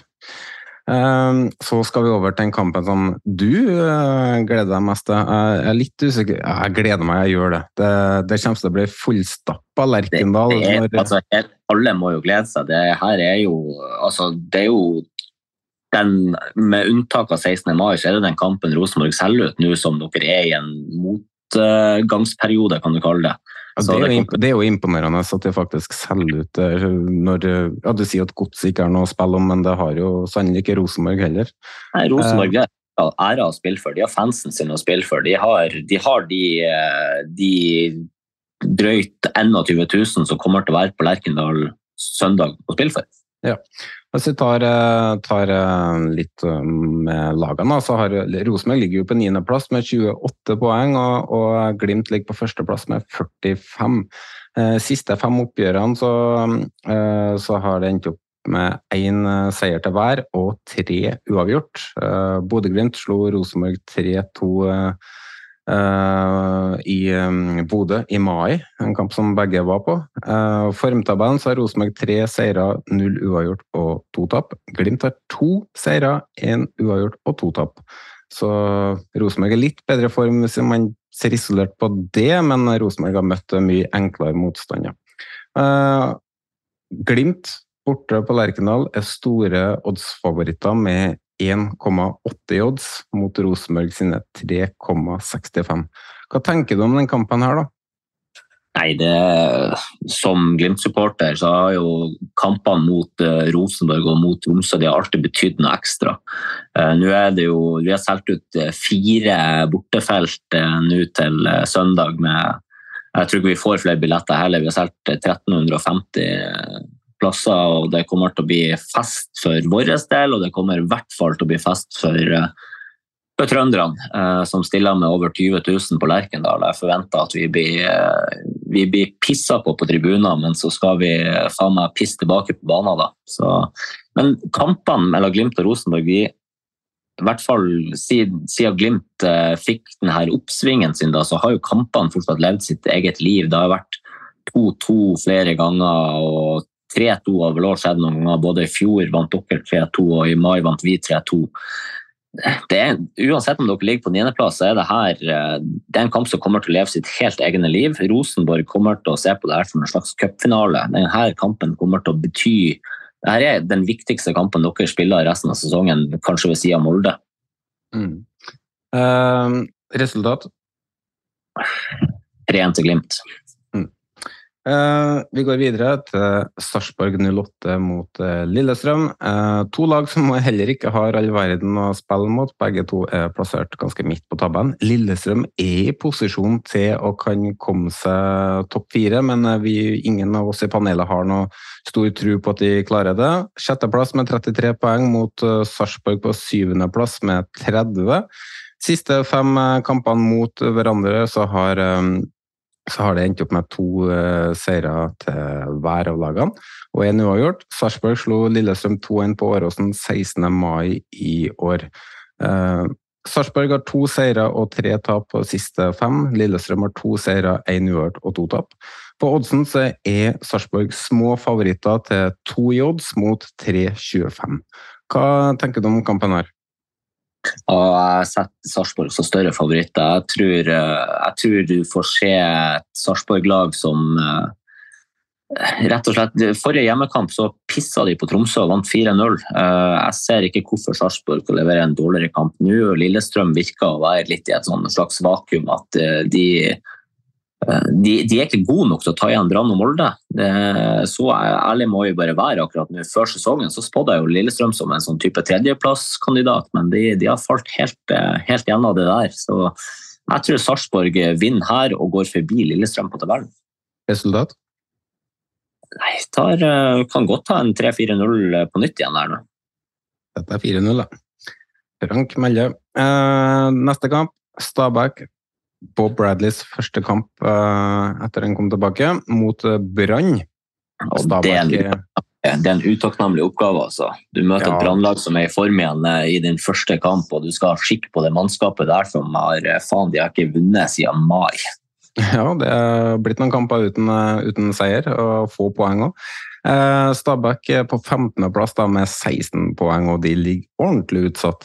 Og så har, du, har i tillegg, da, for å ta det eh, for å gå videre, de lagene rundt eh, Stabæk de har kamper hvor de um, har gode muligheter til å stikke av med tre poeng. Du har jo tippa seier til, til Sandefjord, og Vålerenga er fort store favoritter mot Ålesund. så det kan eh, være, sånt, eh, være, en runde der avstanden bare øker for Stabæk hvis det ender opp med seier til Brann. For Brann ligger på femteplass og er for alvor med i kampen om i hvert fall fjerdeplass. Siste fem oppgjørene mot hverandre pluss innbrudd, så har Brann vunnet tre kamper, og de to andre har endt uavgjort. Brann slo Stabæk både cup og serie tidligere i år. På formtabellen så har Brann tre seire og to tap. Stabæk har fem tap. Eh, og har ikke vunnet uh, Sist seier kom jo mot uh, Vålerenga i mai. På oddsen så er Brann store favoritter til 1,75 i odds mot 4,20. Skal det bli noen poeng på Bradley første kamp?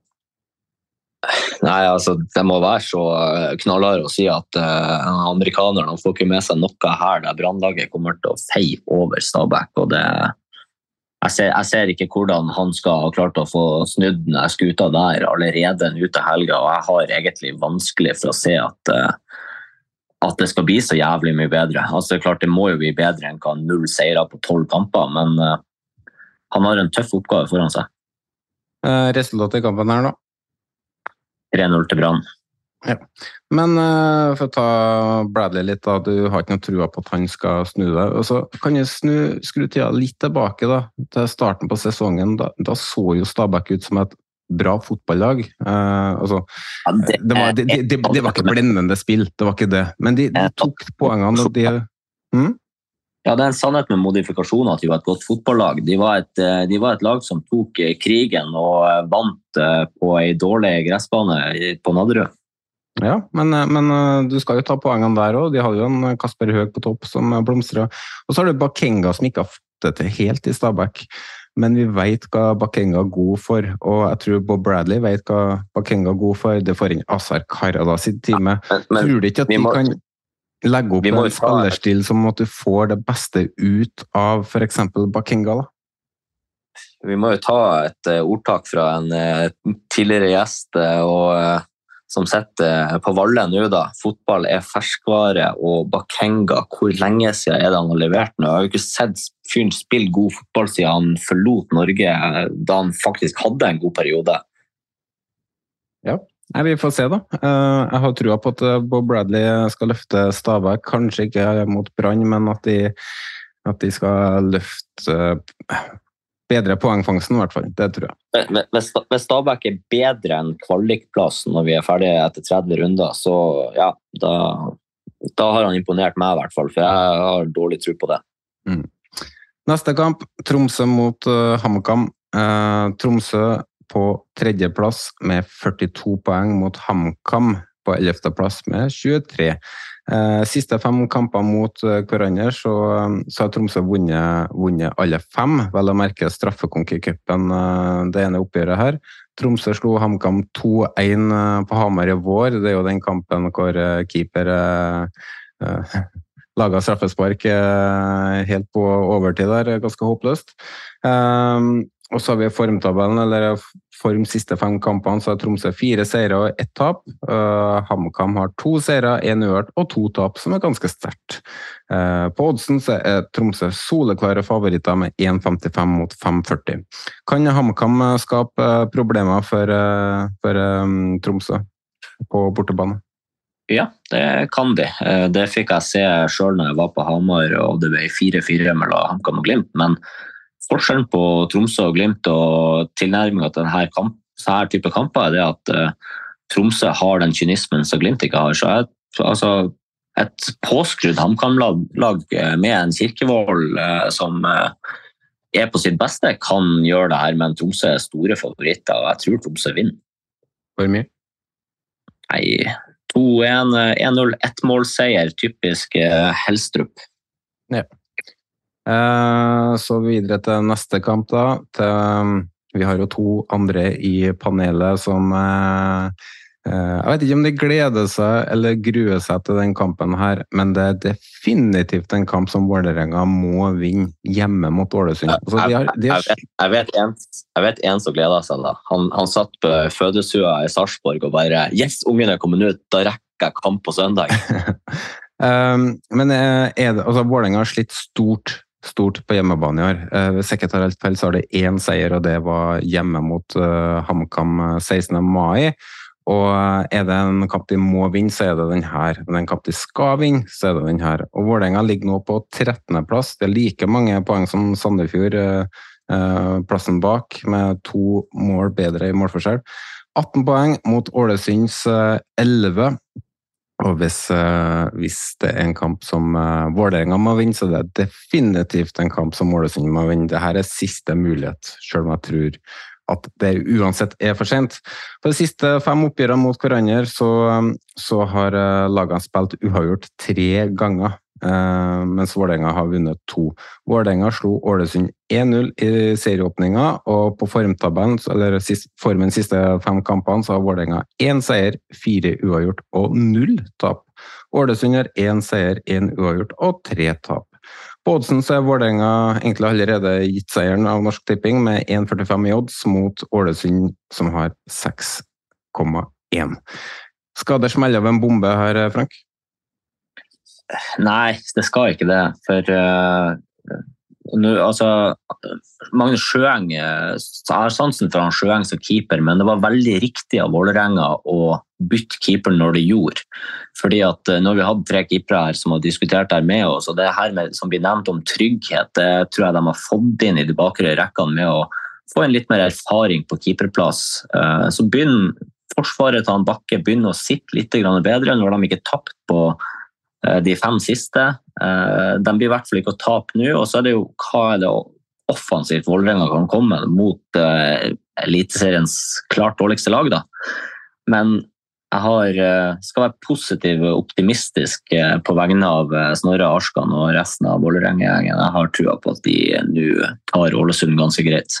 Mm. Du er inne på Storevik da, og, og keeperbytte, og det må jeg bare få Eh, sier jeg òg, at eh, han har vært veldig god. Så han hadde jo en kjempeblemme første kamp eh, borte mot Godset der, men han har virkelig spilt seg opp og har, og har en god, stor del av æren for at Vålerenga ikke har tapt på de siste fem. Um, Ålesund, um, hva er det de bør gjøre i den kampen her for å få med seg noe? Også Hvis de skal ha med seg noe, så må det òg være tre poeng. Altså, hvis, hvis, Ålesund vil ha med seg noe som helst som kan hjelpe dem på lang sikt, så er det jo bare å skade en masse Vålerenga-spillere og sørge for at det er Vålerenga som kommer ned i lag med dem, og de har et lag som sliter neste år. Da. Men jeg, jeg, jeg, ser ikke hva Ålesund skal gjøre, egentlig, annet enn å bygge videre på ungguttene sine og tenke fremover. Tenk neste sesong, for den sesongen her er kjørt for dem. Hva tenker du resultatet blir, da? Nei, jeg sier eh, Vålerenga har ikke skåra for mye mål, så jeg sier 2-0 bare. Mm. Ja, eh, det var egentlig det vi hadde.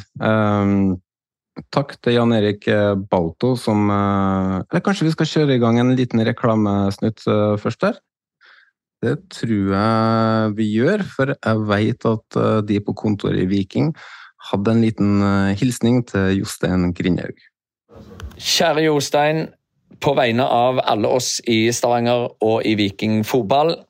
Vi ønsker å takke deg for eh, noen fantastiske år med mye lott og løye.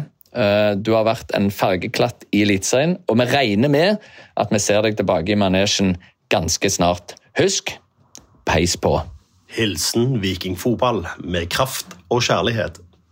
Ja, det var, det var siste beskjeden fra vikingfotball eh, for denne gangen. Eh, må, så, må jo bare si Det er jo nydelig humor at de skyter inn sånn som de har gjort uh, i denne episoden. og Det, det bygger litt sånn på det her kalde, kalde rivaleriet der, da, at de, de, de, tar det med et glimt i øyet. da. Så det er all, all honnør til gjengen i Jattåvågen. Ja, jeg syns, det var morsomt. og jeg, jeg, lo godt når jeg fikk tilsendt, tilsendt videosnuttene der. Uh, uh, så det, det, det, er bare å gjøre. Altså. Det er bare å betale oss det, så, så skal ikke få reklamere på den. vi, vi, vi selger oss for det minste. Ja, ikke til, ikke, ja, vi har, vi har takka nei til reklame Det har vi gjort. Vi skal ikke si, skal ikke si hva, men uh, religion og, og, sånt, det, det styrer vi unna. Så uh, nei, der styrer vi unna. Men uh, uansett, Tusen takk til Jan Erik Balto, som, eh, som, eh, bidrar med alt han gjør med episodebilder og, og alt det der. Eh, Jesper Horten Skjærnes og Vestfold Lydstudio for jingler og intro, outro og det som er. Uh, Iver Steinsvik for utstyr. Tusen takk til dagens gjester Per Morten Kristiansen, Helge Sandvik og Egil Silvik. Der må jeg òg takke Haugesund som klubb. Uh, der var det bare å sende en melding til Martin mens Egil var på landslagssamling. Det gikk to minutter, så fikk jeg svar. Han stiller. Så det, det er norsk fotball på sitt beste. Takk også til dagens episodesponsor Viking Fotball og til KLA. Gå inn på kla.no og få 15% rabatt ved å skrive inn eh, rabattkoden eh, podkast69. Eh, så ja, det var det vi hadde for i dag.